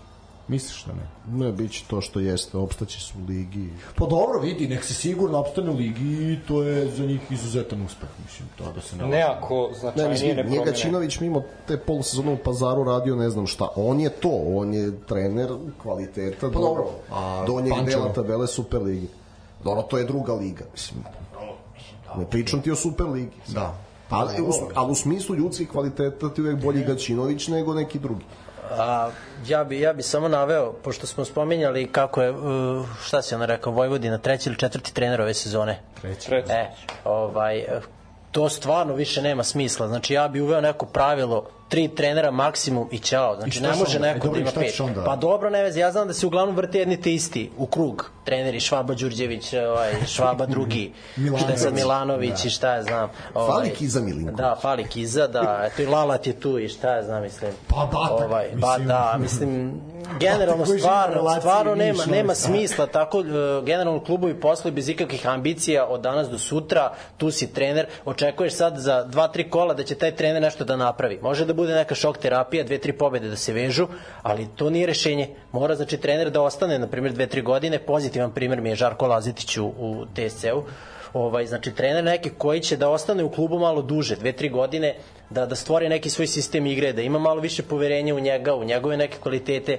ovaj tako da po meni neko ograničenje mora da se Sad Ovo je jedini trener koji je bio trener i prošle, cele prošle sezone i sad, da. jel, da. Sigurno. Mislim, poražavajuća Ali Žarko je statistika. dobio vreme. Žarko je dobio vreme u jednoj još uh, korektnoj fudbalskoj sredini, a to je Milanovac Da, i Metalac. da, da, da. I tamo se, i, paz, i sada su u donjoj polovini tabele PLS imaju dobar teren. Evo, moja preporuka s pogleda utakmica Metalca. Pre nego nekih klubova Superligi. Pa Stojić je doveo iz Metalca, štoper, Pa je. koji je bio na širem spisku reprezentacije, tako da Tako da, i onda, znaš, dobiješ jednu sredinu, onda vidiš ko može da radi. Ja, ja već neki od tih trenera koje smo sad spomenjali, kad su počinjali karijere, ja sam slušao, ono, bili su ni klinac, aj sad koliko je tačno, ali e, bajke o njima u smislu da su imali nameru nečim da se bave progresivnim futbolom i to. Oni posle odustanu od futbala. Oni pristanu da se utope u to i oni prestanu veruju da može bolje. Znači, imaš dve varijante, ili odeš preko, ili se utopiš ali ne znam zašto to sebi treneri dozvoljavaju da budu takva potrošna roba da mislim vodiš neki klub e, dva tri kola onda dobiješ otkaz posle dva meseca preuzimaš drugi klub i super lige paradoks mislim, je paradoks je da odradiš mislim, pripreme prelazni rok i dobiješ da. otkaz u drugom kolu da mislim da. Neverovatno, neverovatno. Kosanović preuzeo prošle sezone. da, da, da, da, to je... A to je bilo da isto vrhunski moment. Čika Miša. Jo, čika, nemoj čika Miša. Ovaj, ne, ne, ne shvatljivo je, razumeš, ne, ne objašnjivo je Izgubila se, izgubila se generalno ta neka trenerska struka i to je ono što nam fali u našem futbalu, što, što nemamo ozbiljnih trenera. Mitar i ja smo baš pričali o tome uh, da, na primer, na nekom tom evropskom nivou imate Stankovića u Ferencvarošu, sad, na primer, Nikolić je bio potencijal Marko Nikolić, koji vodi sad klub u Emiratima, ovaj, tako da nemate Jokan, nema klub, Jokanović, jako, jako Bolje malo. da nema nego da vodi Crnu Goru. Da Paunović u Meksiku, da, ali ne, otišao. evo, nisam znao, eto, danas, znači, ovaj, nemamo trenersku struku. Znači, ti, imamo te mlade trenere iz Voždovca koje si, koje si ovaj spominjao, Da, Znaš šta je problem? Evo, tu problem je, problem je struka, ne, što struka ne dobije tu neku širinu da, da može da, da nešto preuzme neki klub i da može ozbiljnije da, da pokaže taj trener svoj rad. E, gledi sa, Nego imate sad, pritiske sa vrha, možda koji igrači treba da igraju, koji ne trebaju i, i tu, ono, posle dva, tri kola dobije otkaz. Gle, imaš jednu varijantu da ozbiljni igrači, dobar deo njih nije hteo da se bavi trenerskim poslom ili su kasnije ušli u njega kao Savo Milošević. A imaš, uh, i onda znaš, ali opet... Ili Pixi. ne, Pixi je s 43 počeo se, pa dobro, da, on je, ali, ali uvek je tu prvo u fotelje. Jel Pixi i Savo, šta god ko misli... Ne, a šta god ko misli o Pixiju i Savu, uh, ti ljudi znaju futbol, neku osnovnu, da, da ocene igrača, da naprave neku igru, neki šmek, da, da ti je to gledljivo. Ali oni su prvo ušli u fotelje, u biznisu, i onda kad, kad ih je to zasitilo, Pix je pobegao iz zemlje pa postao trener, a Savo je, ne znam, puku na naftnim bušotinama pa je postao trener. To, to je neverovatno. A da su postali to odmah u 30, jedni i drugi su završili karijeru s 36 godina i da su odmah tad postali treneri, to bi, sad bi bili u ligama petice, o što pričaš. Nego veliki igrači koji bi imali neko ime, jer veliki igrač može odmah da se postavi, ja hoću to, to i to. A opet Marko Savić ne može da u Partizan i kaže ja hoću tog, tog, tog igrača i taj budžet. I onda on mora da ide okolo, ceo život negde okolo. I, i ja imamo taj problem e, da igračima koji ni, onima koji nisu bili veliki igrači damo posao u ozbiljnom klubu. To je toliko zaobilazno mora da se dolazi ili mora Nenad Bijeković da ti bude kum kao Stanojeviću ili ne znam razumeš to da a poznate, poznate ta teza da ne mora da znači e, ako si bio dobar fudbaler da ćeš biti dobar trener odnosno ako si bio loš fudbaler da nećeš da, biti dobar trener. Ali ti daje pre, da, to je prednost. da. ne ta teza od Miljana Miljanića još zato ovde ne valja ništa. Pa ne o Mourinho gde je on igrao? Mislim ne znam tamo neki niželigaški fudbal čovjek je ono svoje a opet pa, a zato je Guardiola igrao dob, elitin fudbal kod Krojfa pa je postao elitni trener. Ili, Manje vremena ti treba. Ili, ili Xabi Alonso. Zidane, na primjer, Zidane. da, isto, koji je da. Anč, Ancelotti na kraju kraja. Da, da. Tako da ta velikim igračima je samo još lakše da postanu trener. Nego mi imamo ovde te teze, te maderaške, udbaške, to to, ti hoćeš da kažeš da je jedini biznismen koji je postao trener, uh, a da ima uspešan biznis je onda Krstajić. Pa, Restoran u Kikindi radi, ozbiljno. Znači, dobro, je sportski direktor baš i nije bio neki. Ovaj, bio užasan. Užasan, dobro, ajde, to, to je mnogo prigodnija reč. A, trener, po meni, Bugare preporodio. Mislim, Bugari nikad bolje nisam vidio. Vidi, on ih je uveo u jednu zlatnu eru, mislim sad po, sad ovaj po, nakon što je on otišao, oni ljudi su prisetili se nama bi nama bi sjajno bilo da da Duća Tadić odmah postane trener kad god završio karijeru, pošto znam baš kakav pogled ima na fudbal i da ga taj posao i zanima jer on može da dobaci do Liga petice i onda da napravimo, kao što svi imaju neki svoj lobi, neki svoj voz, kao što Hrvati imaju, što jedno drugo vuče i u trenerima i Kao što mi imamo u košarci. Pa imamo, pa da. imamo. Da. Ovde, svak, ovde, evo, svaki polu trener može da trenira klubu Litvani ili donji tabeli Turske. Šta? Dobro, a eto, na primer, eto, ima si ozbiljnog igrača, ozbiljnog majstor futbola, Vladimir Ivić, Ali onda ja ne vidim njegov dalji progres osim tog tavorenja po tim nekim Rusijama i nešto, znaš, šta je bro, pitanje da li želite pare ili izazov. Ali on nije, Ako on nije Savo pare... ili Jokan ili Pixi. Dobro. Znaš, nije mu lako da se probije.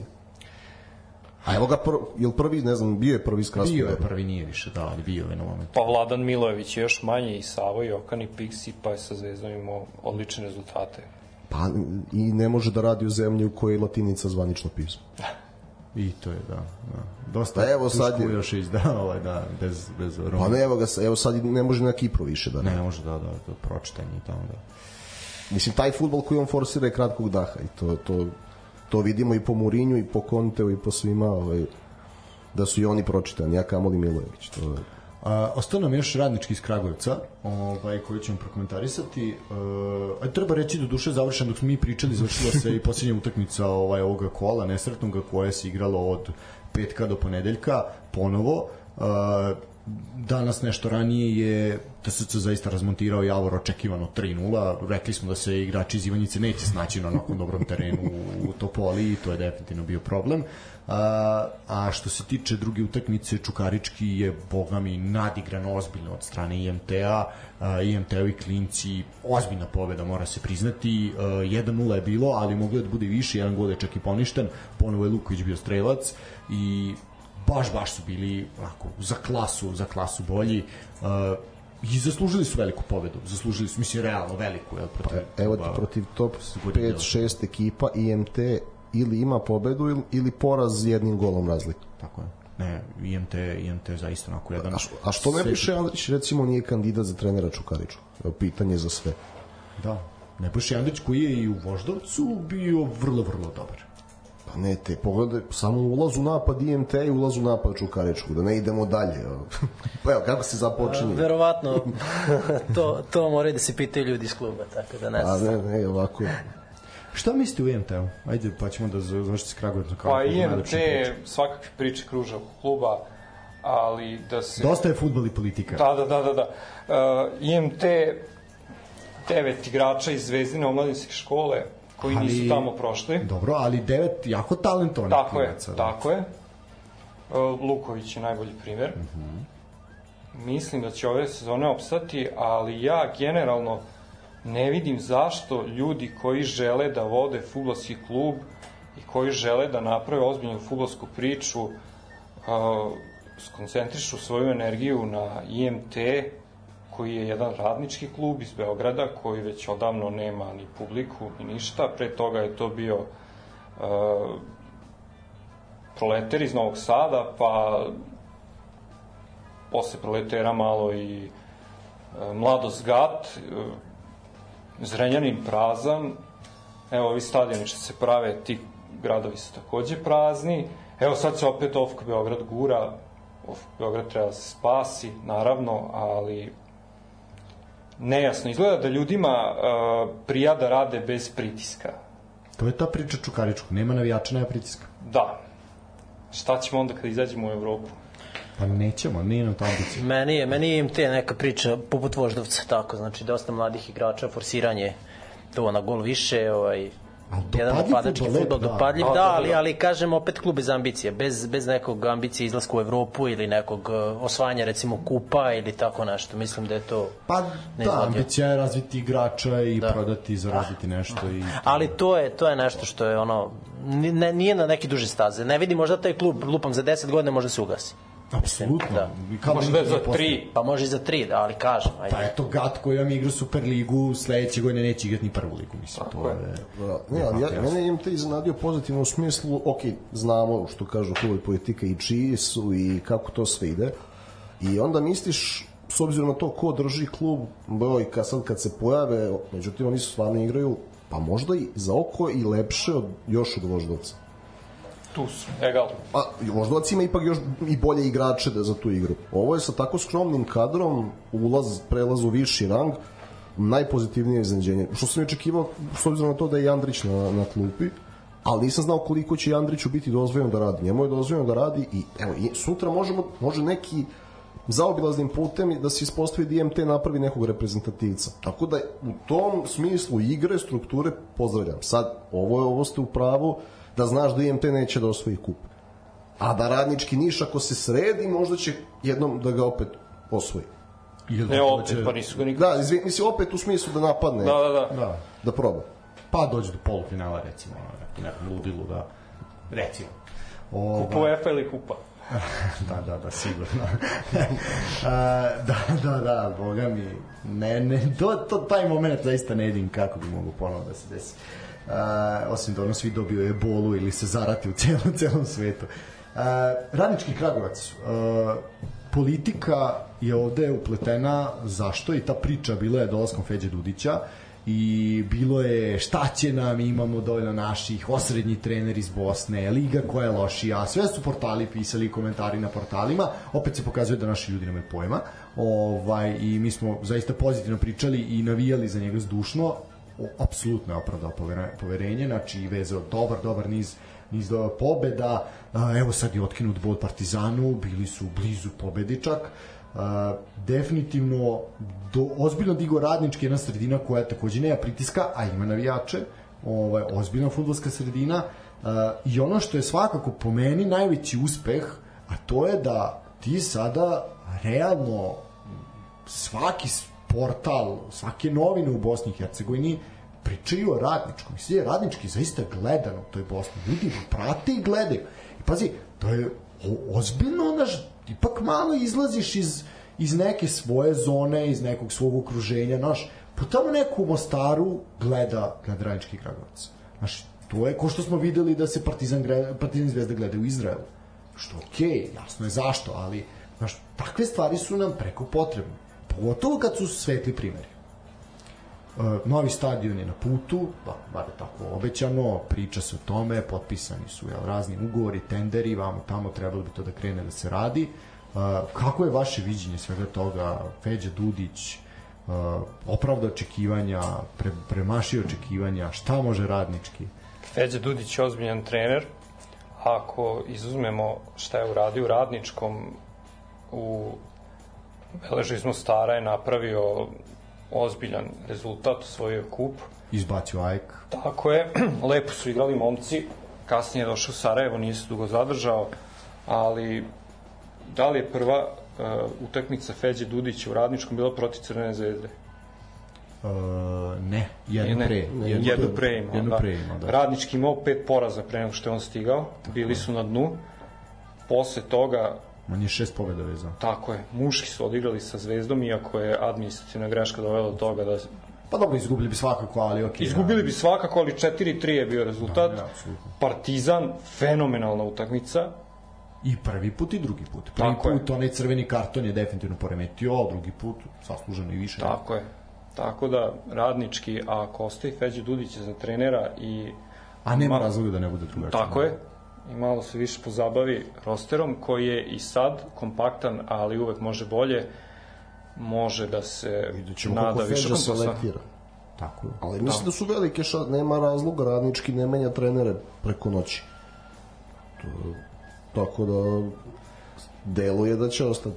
Deluje, mislim da za razliku, znaš, u tom momentu, mislim, ja sam imao zadatak, ovaj, to mi je strika dao zadatak, ja taj zadatak nisam ispunio, ovaj, to je bilo da napišem tekst, uh, znaš, kao Feđa Dudić kod nas, Sava Milošević ide, ide preko, ovaj, jer se podjednako frka digla, malo više u Bosni moram priznati jer je samo no. ipak veća pozicija da, ovaj, da, ali bilo je kod nas raznih oprečnih komentara Ovaj, I, znaš, kao, jednom je krenulo fantastično, drugom baš i nije krenulo tako fantastično. Ovaj, I onda, znaš, onda sam odustao jer nisam mogao, nisam hteo da pljujem po Savi, ovaj, ali mi nije bilo jasno zašto se prihvatio toga što se prihvatio, dok za Feđu Dudića zaista mogu da shvatim zašto bi došao u takvu sredinu. Pazi, ok, on je bio igrač Novog pazara i normalno da je tu negde možda povezaniji i bliži pazaru nego Kragujevcu, ali realno je korak, korak iznad. Ja njega vidim kao trenera, zašto ne Čukaričkog? Ne to, to Savo je, vidi, pa za Savo je igrao, koje je bilo u Lichtensteinu, na 0-2 navijači prave prekid, vakljadu, usred Evrope i skandiraju protiv Saveza i tu ti je jasno da ne može Savo da uradi ništa. Odmah. Jasno mi je, zato sam i odustao od teksta, jer ono prosto... Pa ni, ja sam nadam da, da će da ga isplate kao Olimpija kad bude trebalo i to je to. Ništa Dobro, u Bosni i Hercegovini problem eto dva entiteta, tri naroda, tako da tu kogod da dođe, videli smo stalno je neka smena trenera u savezu, nema da. rezultata, da. da baš je onako neka haotična atmosfera, jako jako loša, nezdrava, mnogo igrača je igralo za reprezentaciju Tako da, baš je onako jedna teška sredina za rad. Jedina bivša ex-Ju republika koja nema olimpijsku medalju. Eto, eto, jedan zanimljiv podatak da... Zato što Bosna i Hercegovina godišnje u sport ulaže 300.000 evra. No, grad Novi Sad 7 miliona evra deli klubovima, savezima na svom Bosna i Hercegovina 300.000 evra. Jedinu, jedina dva čoveka koji su mogli da hendluju takvu atmosferu su bili pokojni Ćiro Blažević i Safi Sušić. Pa dobro, i Ivica osim da konsoliduje da, savez. Da, da, da, da. Tako je. Jer, ali, znaš, shvataš problem koliko ime moraš biti da bi mogo da uspostaviš da. autoritet. Da. Jer bilo je tu imena, bio tu sad Baždarević, bili tu, bilo je to još imena koje ovaj su pokušavali, ali jednostavno jednostavno nije moguće. Dobro, Savo, mislim da će podleći pritisku, što bi rekao Džigi Ninković, ima i taj play-off. Ostaje da se igra, vidjet ćemo, mada mislim da Ja bih, ja bih lično volao da, da Bosna i Hercegovina ode na euro, sad koliko će to biti protiv Ukrajine. Jako. Igraju, igraju kod kuće, ajde, igraju, igraju u Zenici, tako da može svašta da bude ako vratite neki iskusni igrače ovaj, u reprezentaciju za tu utakmicu, odnosno pa, za taj play-off. ovaj, tako da, eto, mislim, voleo bih stvarno da, da Bosna i Hercegovina ode, ode na euro. Dobro, momci ovako, ja predlažem da pređemo kratko tabelu i onda ćemo mi ovde imamo standardno tipovanje, imamo jedan kao humanitarni tiket, da će svako od nas tipovati ovaj naredno kolo, ujedno poslednje kolo u ovom delu sezone. Uh, I najavit ćemo večiti derbi za kraj, ovaj 171. pričat ćemo ovaj, ko je dobio zaduženje da bude sudija ovaj, i šta možemo da očekujemo. Tako da ću ja sad iščitati kratko, kratko tabelu. Uh, znači ovako, Crvena zvezda je prva, eto od Partizan imao plus 6, došlo je da minus 2, Zvezda je prva, uh, sa 46 bodova, drugi je Partizan sa 44, treći TSC sa 36 i to su neki klubi da, ko, da kažemo koji su negde sigurni na svojim pozicijama. Uh, već ovde dalje od trećeg pa nadalje, odnosno četvrtog mesta pa nadalje su svi jako, jako blizu, pa sad ćete vidjeti koliko tu klubova zapravo ima koji su ono na, na dve pobede ovaj, se drastično menja pozicija na tabeli. Četvrti Novi Pazar 29, peta Vojvodina 28, šesti Čukarički 26, sedmi Voždovac 25, Uh, osma, osmi mladost Lučana je 25 bodova takođe, deveti Spartak iz Subotice sa 22, IMT 10 sa 20, koliko ima Javor na 11. poziciji, uh, takođe 20 bodova ima Radnički iz Kragujevca na 12. Isti broj bodova ima i napredak iz Kruševca, znači vi u play-outu imate četiri tima sa po 20 bodova, što je zaista jedna pobeda i odnosno jedan poraz vas uh, onako zaista diže ili spušta na tabeli. 14. je železničar iz Pančeva sa 17 bodova, Radnički Niš je 15. sa 16 i ubedljivo zaista najlošija ekipa ovog dela prvenstva nakon 18 odigranih utakmica je Radnik iz Surdulice sa samo, jednim, samo jednom pobedom i 8 nerešenih rezultata, ukupno 11 bodova. Što se tiče narednog kola, ono se igra tokom nedelje, ovaj, a mi ćemo sada tipovati, odnosno predlagati rezultate i naravno pokušati da neki dinar uplatimo kome je to najpotrebnije. Znači da se podsjetimo, ovo je zaostalo deveto kolo, koje je odloženo zbog onog dana žalosti, zbog onih nesretnih dešavanja na Kosovo i Metohiji. Ono se otvara već u uh, sredu utakmicom između radničkog 1923 i radnika iz Sudlice koje se ponovo igra po standardnom terminu za Kragujevac od 13 časova. Pa momci, možemo početi šta kažete kakav će rezultat ovde biti. Kecu 2 do 5. Dobro, Mirko? Kec 3 plus. Dobro, Niđo? Kec obično, bez golova. Hmm, domaćin daje 2 plus, ajde da ne, ne prepisujem, da bude različito.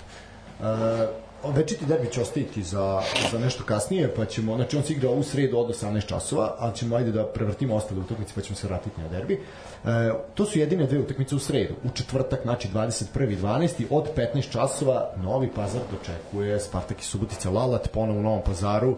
Sreće njegova nema publike, jer znamo koliko vatren bude, bude doček za Lalata dole. Ipak jec. Dobro, dalje. Gol, gol. Kec, gol, gol, Niđo. Keci 3 do 5.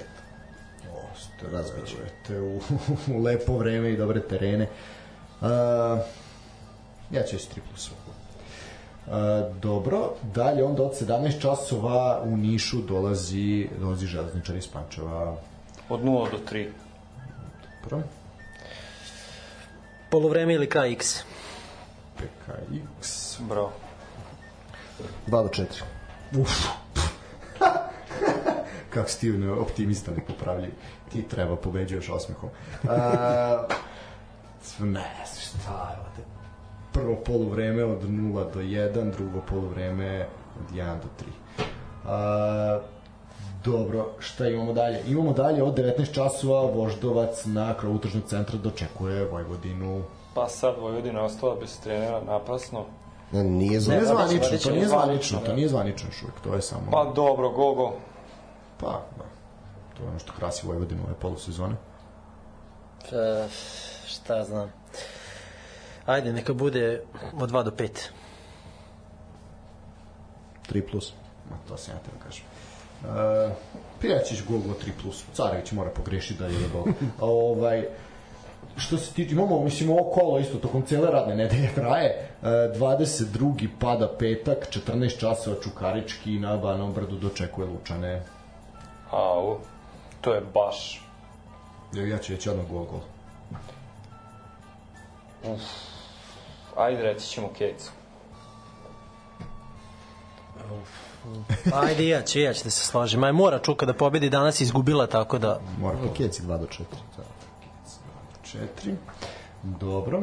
E, od 16 časova Javor prelep, 22. decembar, zimska idila u Ivanjici, Javor dočekuje IMT, e, dosta rekli smo atmosfera iz e, Obersdorfa ili Garmisch-Partenkirchena, realno je ovo najava za četiri skakonice koji idu na praznik. Da, da. Ovo je možda i najsigurniji ovaj, par kola. Teren kaže od 0 do 3. Keci X i 0 do 3. Ja bi na Javor, Kec. Ja ću reći PK, PK1, da, verujem da, da, ipak Po tom terenu i po tom po terenu, ono, ne da. Može, da. E, 17 časova u petak, poslednja utakmica u 2023. godini biće odigrana u Topoli, gde će TSC dočekati napredak. Time spuštamo zavesu na ovu super. Kec je od 0 do 4. Aj, od 0 do 4, aj. Kako, a kako ne može biti kec i 0 do 4, znači mora pasti Anglo. Pa Znači, ne znam, pitajte Max Bet. Stvarno postoji 0? Da, da, da, da. Majko sveta, aj dobro. Očekujem pobedu TSC. Znači, čista jedinica. Keci 2 do 5. 5.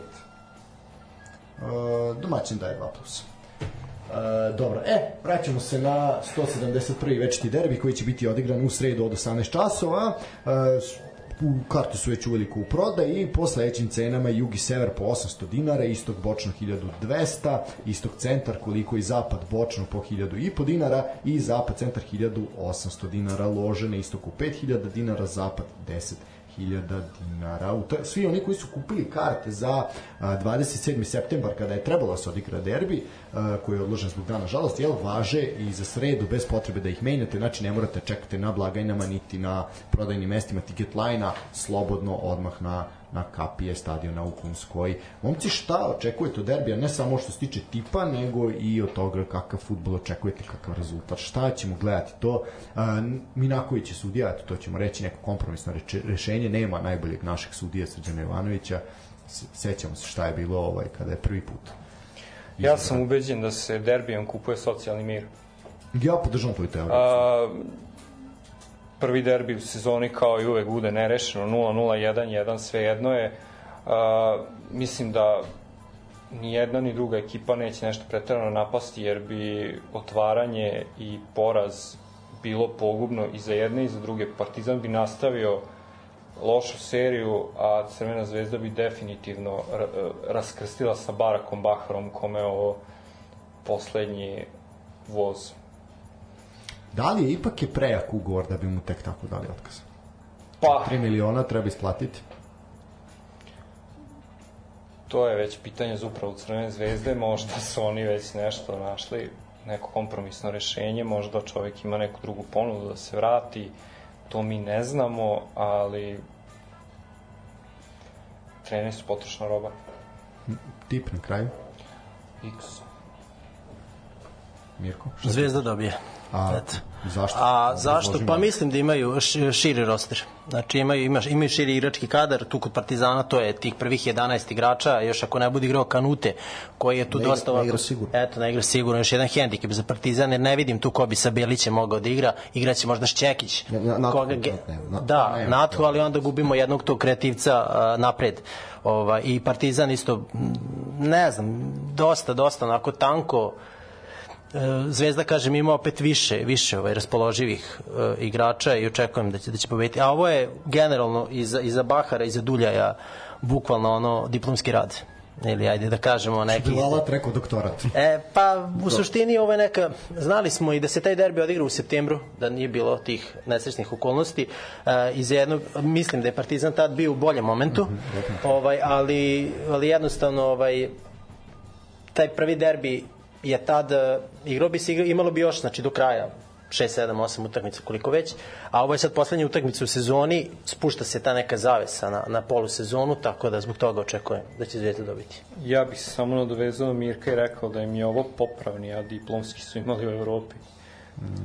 Dobro, za Partizan, ajde sad, da, se ne vraćamo nešto puno, ali u par rečenica, ovaj, posledica od Norcilanda je što je tim ovaj, jako selektiran, znamo da je Partizan ima po 13-14 igrača na pripremama i onda je ta kulminacija bila protiv Norcilanda. Da su ti igrači stigli ranije, mislim da bi rezultat bio bolji protiv Norcilanda, ali dobro, sad šta bi bilo kad bi bilo Ali onda je malo veliko to, pitanje da. šta bi radili u ligi. Da, u ligi verovatno, da. Norcel je dao šest golova Fenerbahču kući. Da, da, da. Ozbiljno, ozbiljno oni da. Sedam. I sad su Opet eto sa ispao. 10 bodova ispali. Opet da, da, 10 bodova, nekad je bila priča ali 10 ono- bodova, šta se, grupu. ali se da. desilo što sam ja rekao, to je da je Johannes Torup otišao u ozbiljnu ligu. Tad smo rekli da će u ligu 5 da ode. Mi ovde. Da, eto, tako da Nije to prva stvar za koju smo bili viđenari. Tako je. Viđenje derbija i rezultat. Na viđenju derbija, znaš kako, bez obzira na te mane u igri i pozadi što često primi gol zvezde, sad već kako vreme odmiče bolja ekipa i to vidiš, Partizan ne bi mogao da igra dobro u nekim momentima da sabije Leipzig u 16 u Ligi šampiona. Ne, ne. ne bi mogao da stvori onoliko šansi protiv Young Boysa. Ne veze što su ih promašili, stvorili su ih. Ali, ja, ja mislim da će Partizan poraza da spase ovo bajanje o stranim trenerima i derbi u futbalu. Ovaj, mislim da će da se priča o tome da je Zvezda igrala futbal, a da nije pobedila. Ovaj, sad da li Kec ili X, pa eto da kontrira malo reći ću Kec. Ovaj, mislim da će Maleri ovaj, nekih trenera da Duljaja hoće sreće. I sad svi misle da je prežaljen i da ide ovaj, što ne znači da će biti prvak i da neće da izgubi već sledeći derbi ovaj, na stadionu Rajko Mitić, ali Kec i eto kladioničarski Kec, a strelac gola Gaja za hid. Čisto bonus. A, ja se slažem sa Mitrom, ja mislim da je ovo debeli X, mislim da će to jedni i drugi hteti da što pre završe. Mislim da oni koji će imati najviše vatre i želje da igraju su Saldanja s jedne strane i Mladi Mijatović sa druge strane. Mislim da su oni najželjniji i nekako, nekako najgladniji mi deluju. A, naravno, ne, dobro, ima tu Belića, ima tu Radilica, ima tu sve to stoji, ali ja Ja mislim... mislim da će Bahar biti najgladniji. Možda da, da napadne, da se gori. Ne, da je domaći trener, ja bih rekao x 100%. Ovako mislim da, da Bahar može da doprinese da bude dosta šansi. Ja iskreno, evo ovako iskreno. A teren je dobar. E, da li igra sa Ničani? Ne. Dobro. I- Znači, ovako, ili- ili- to evo- je, evo znači, tu pos, znači, da igra sa Ničani, rekao bi, ne postoji ni teoretska šansa po zakonu verovatnoće da Partizan pobedi. Sada možda postoji nekim sitnim procentima, ali ja ne vidim kako Partizan može u 90 minuta da pobedi Crvenu zvezdu. U ovom sad trenutku, da se igralo u septembru, rekao bi da. U ovom trenutku, posle onoga što sam gledao protiv Kragujevca, protiv uh, pre toga TSC-a i tako dalje, ja, pa i protiv grafičara, ja ne vidim kako Igor Duljaj sa ovim što ima može da pobedi, kojom ludom Nisam, srećom, pa ludom sreću. Pa samo ludom Pa srećom. nisam rekao da će da nadigra. Ne, ne, u tome da što- nadigra nema šanse. Jedino da svi kolektivno se otruju u zvezdi, u smislu dobiju stomačni virus, da jedu nešto pokvarno sad za Svetog Nikolu, jedino tako. Znači, Nemoj zaboraviti da je Zvezda promašila 4-5 mrtvih šansi pro, protiv Young Boysa. Ali neće promašiti pred Partizana. Mislim, pa, znaš, ne možeš, evo tome, ne možeš imati toliko utakmica da toliko promašiš. Evo tome što to je, u tome što smo što ne možeš imati biti izvini, ne možeš imati ne možeš biti Partizan koji ćeš uh, koliko utakmica rešiti u, u ono od 80. pa na vamo minuta i srećnim golom u nadoknadi vremena ili tako dalje. To možeš da uriš 3-4 kola, a ne možeš se konstantno. Pa ne ja se slažem da Partizan nema kapacitet ove sezone. Ja ne vidim. Mislim ali... moj tip je moj tip je čist X, ja. Crvena zvezda je pre 20 godina i sa minus 16, 17, 18 bodova na tabeli pobeđivala 3-0. Derbi je derbi. A vidi, ne okej, okay, stoji, derbi je, ali... ovo što si za šanse je dobro rekao, zato što ne samo Zvezda, mnogo velikih igrača, dobrih i domaćih i stranih koji su izgledali mnogo zbiljnije lige od Srpske u derbi nisu mogli da daju gol. To je jako specifična utakmica. Ko može da je vezno golov u derbijima je tako. Ja zato poštujem Leonarda, poštujem Saleta Kataija. I ako neko da gol u Zvezdi iz igre, da će ga Sale Kataj ponovo.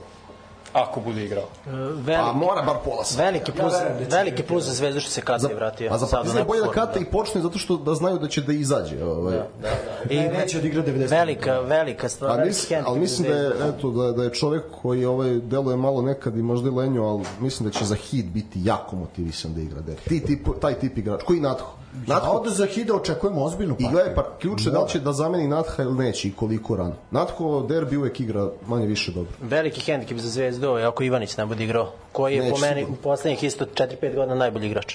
A, ajde samo još kratko, rekli smo ćemo spomenuti ovaj moment sa uh, Instagramom i NDI-om otpraće, otpraćena zvezda. Zašto se od dešavanja društvenim mrežama prave vesti? ko je koga otpratio, zapratio, ko je kakvu sliku okačio. Pa gde ima dima, ima i vatre. Ali... Jako si mudar čovjek. Da, da, da. Pa ne, pitanje je zašto. Pitanje svih pitanja je zašto.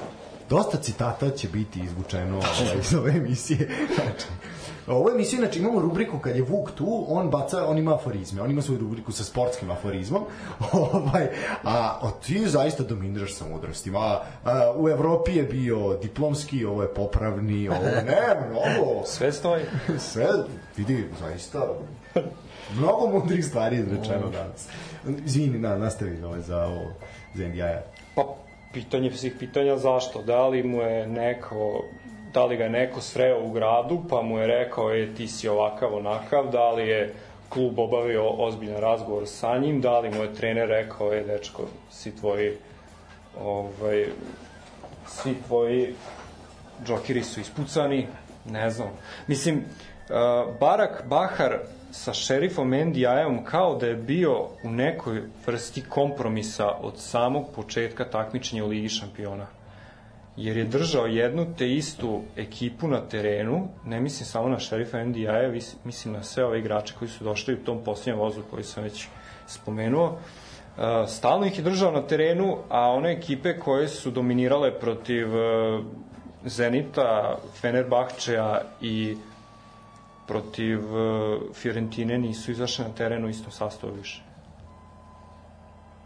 kao što rekao, čovek je svojom mudrošću poentirao ponovo i mislim da je svaki dalje, svaki dalje komentar je suvišan. Mirko, možeš, ako po, pa ne, evo, evo, da ne, okej, okay, da ovaj, ne, ne, ovaj, ne bi, ako, ne, po, ako samo se, posle, posle, ja ti meni ako se reko, ako da, se odjavljujem, ako se odjavljujem, odlična emisija, iz emisije, da, ovaj, Samo eto da da poželim ovaj sutrašnju ovaj slavu svim sečarima Svetog Nikolu e, i eto tako da nadam se da ćemo imati prilike još da se tako čujemo ne, i da da gostimo i to je to ovaj, eto dođe tope to ne ne apsolutno da. zaista meni je zaista bilo ovaj zadovoljstvo ovaj što ste došli ovaj baš baš drago mi je i prvo i sa lične strane i što smo se konačno upoznali i na ovakav način ovaj i ja verujem da ovo samo prvi prvi u nizu gostovanja i zaista e, zaista vam hvala što ste odvojili evo gotovo gotovo 3 sata evo ponedeljkom e, da nakon posla nakon svih obaveza da ode se družite sa nama i da razglabamo o nama zanimljivim temama kao što su ovaj srpski fudbal i da mislim da je ono što smo pričali nas dvojica smo pričali telefonom ovaj u dogovaranju ovoga svega Uh, mislim da je potrebno ne mislim nego verujem i znam i to je neko iskustvo pokazalo da zaista su potrebni ljudi i potrebno je sadržaj uh, kao što je vaša stranica i ljudi kao što ste vi, pozdrav iz vašeg trećeg člana, ovaj, zaista nam je to potrebno, pa kao što smo i mi ovde i pozdrav za Vuleta, ovaj, takođe, uh, jer jednostavno ako se mi ne budemo bavili našim sportom, pitanjima oko našeg sporta, da li je to futbal, rukomet, košarka, nije ni bitno aktuelnostima, jednostavno neće se niko drugi baviti. Znači, to je ono što moram, to je naša dužnost i, i jednostavno moramo naš entuzijazam pretočiti u to da, da nekog zainteresujemo, jer svaki čovjek više koji ode na stadion, to je naš uspeh, to je naša pobeda. Ja bih prvo hteo da se zahvalim na, na, na prilici da ovde budemo gosti uh, u ovoj stvarno odličnoj atmosferi i želeo bih da pohvalim ove momke jer se niko ne bavi E, domaćim futbalom kao oni. Čak ni medijske kuće koje imaju pravo prenošenja i, i, i, i ovi medijski portali koji sponzorišu domaći futbal ne bave se toliko koliko se bave oni. Hvala ti na lepim rečima. Sad, sad, ovo to je to, vratio se, vratio da, se, da, da. vratio se.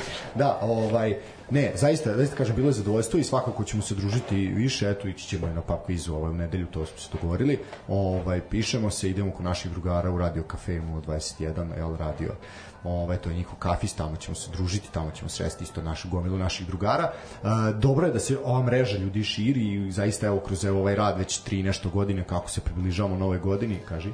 Izvinjam se Milunović što ga se nisam setio kada pa sam treba. puno, nisi da, puno, da, da, da, zaboravio. Ovaj. Sramota. Da. E, ne, definitivno potrebno je da se evo povezujemo pa i na ovakav način i da jednostavno znamo da su tu odlične stranice poput Fusta, poput Futbol Srbija, poput pa i Kalčopolisti i sve to su to ljudi koji zaista s jednim neverovatnim entuzijazmom ovaj, rade, rade i pričaju o, o našem sportu i našem futbalu jer jednostavno kažem to nam je jako bitno. Moramo o, zainteresovati mlađe generacije i moramo da ostane neki zapis nečega da se nešto desilo Znaš, da je taj neki Feđa Dudić pravio rapsodiju, da je taj voždovac bio mladi i da je igrao fantastično, da je Zvezda igrala u Ligi šampiona, da je ovo, da je ona, znači to su sve, sve stvari koje se, da je Čukarički igra u Evropu, eto, da je neko analizirao svaku njihovu utakmicu u Evropi, znači to su stvari koje jednostavno moraju da, vaše teme nedelje koje izbacio to odnosno komentar nedelje, jel, da su, da, se, da su se te neke stvari desile, da se te stvari otrgnu od zaborava, jer u današnje vreme kada je dostupnost informacija neverovatna i protok informacija je neverovatan, jednostavno jako brzo se zaboravlja.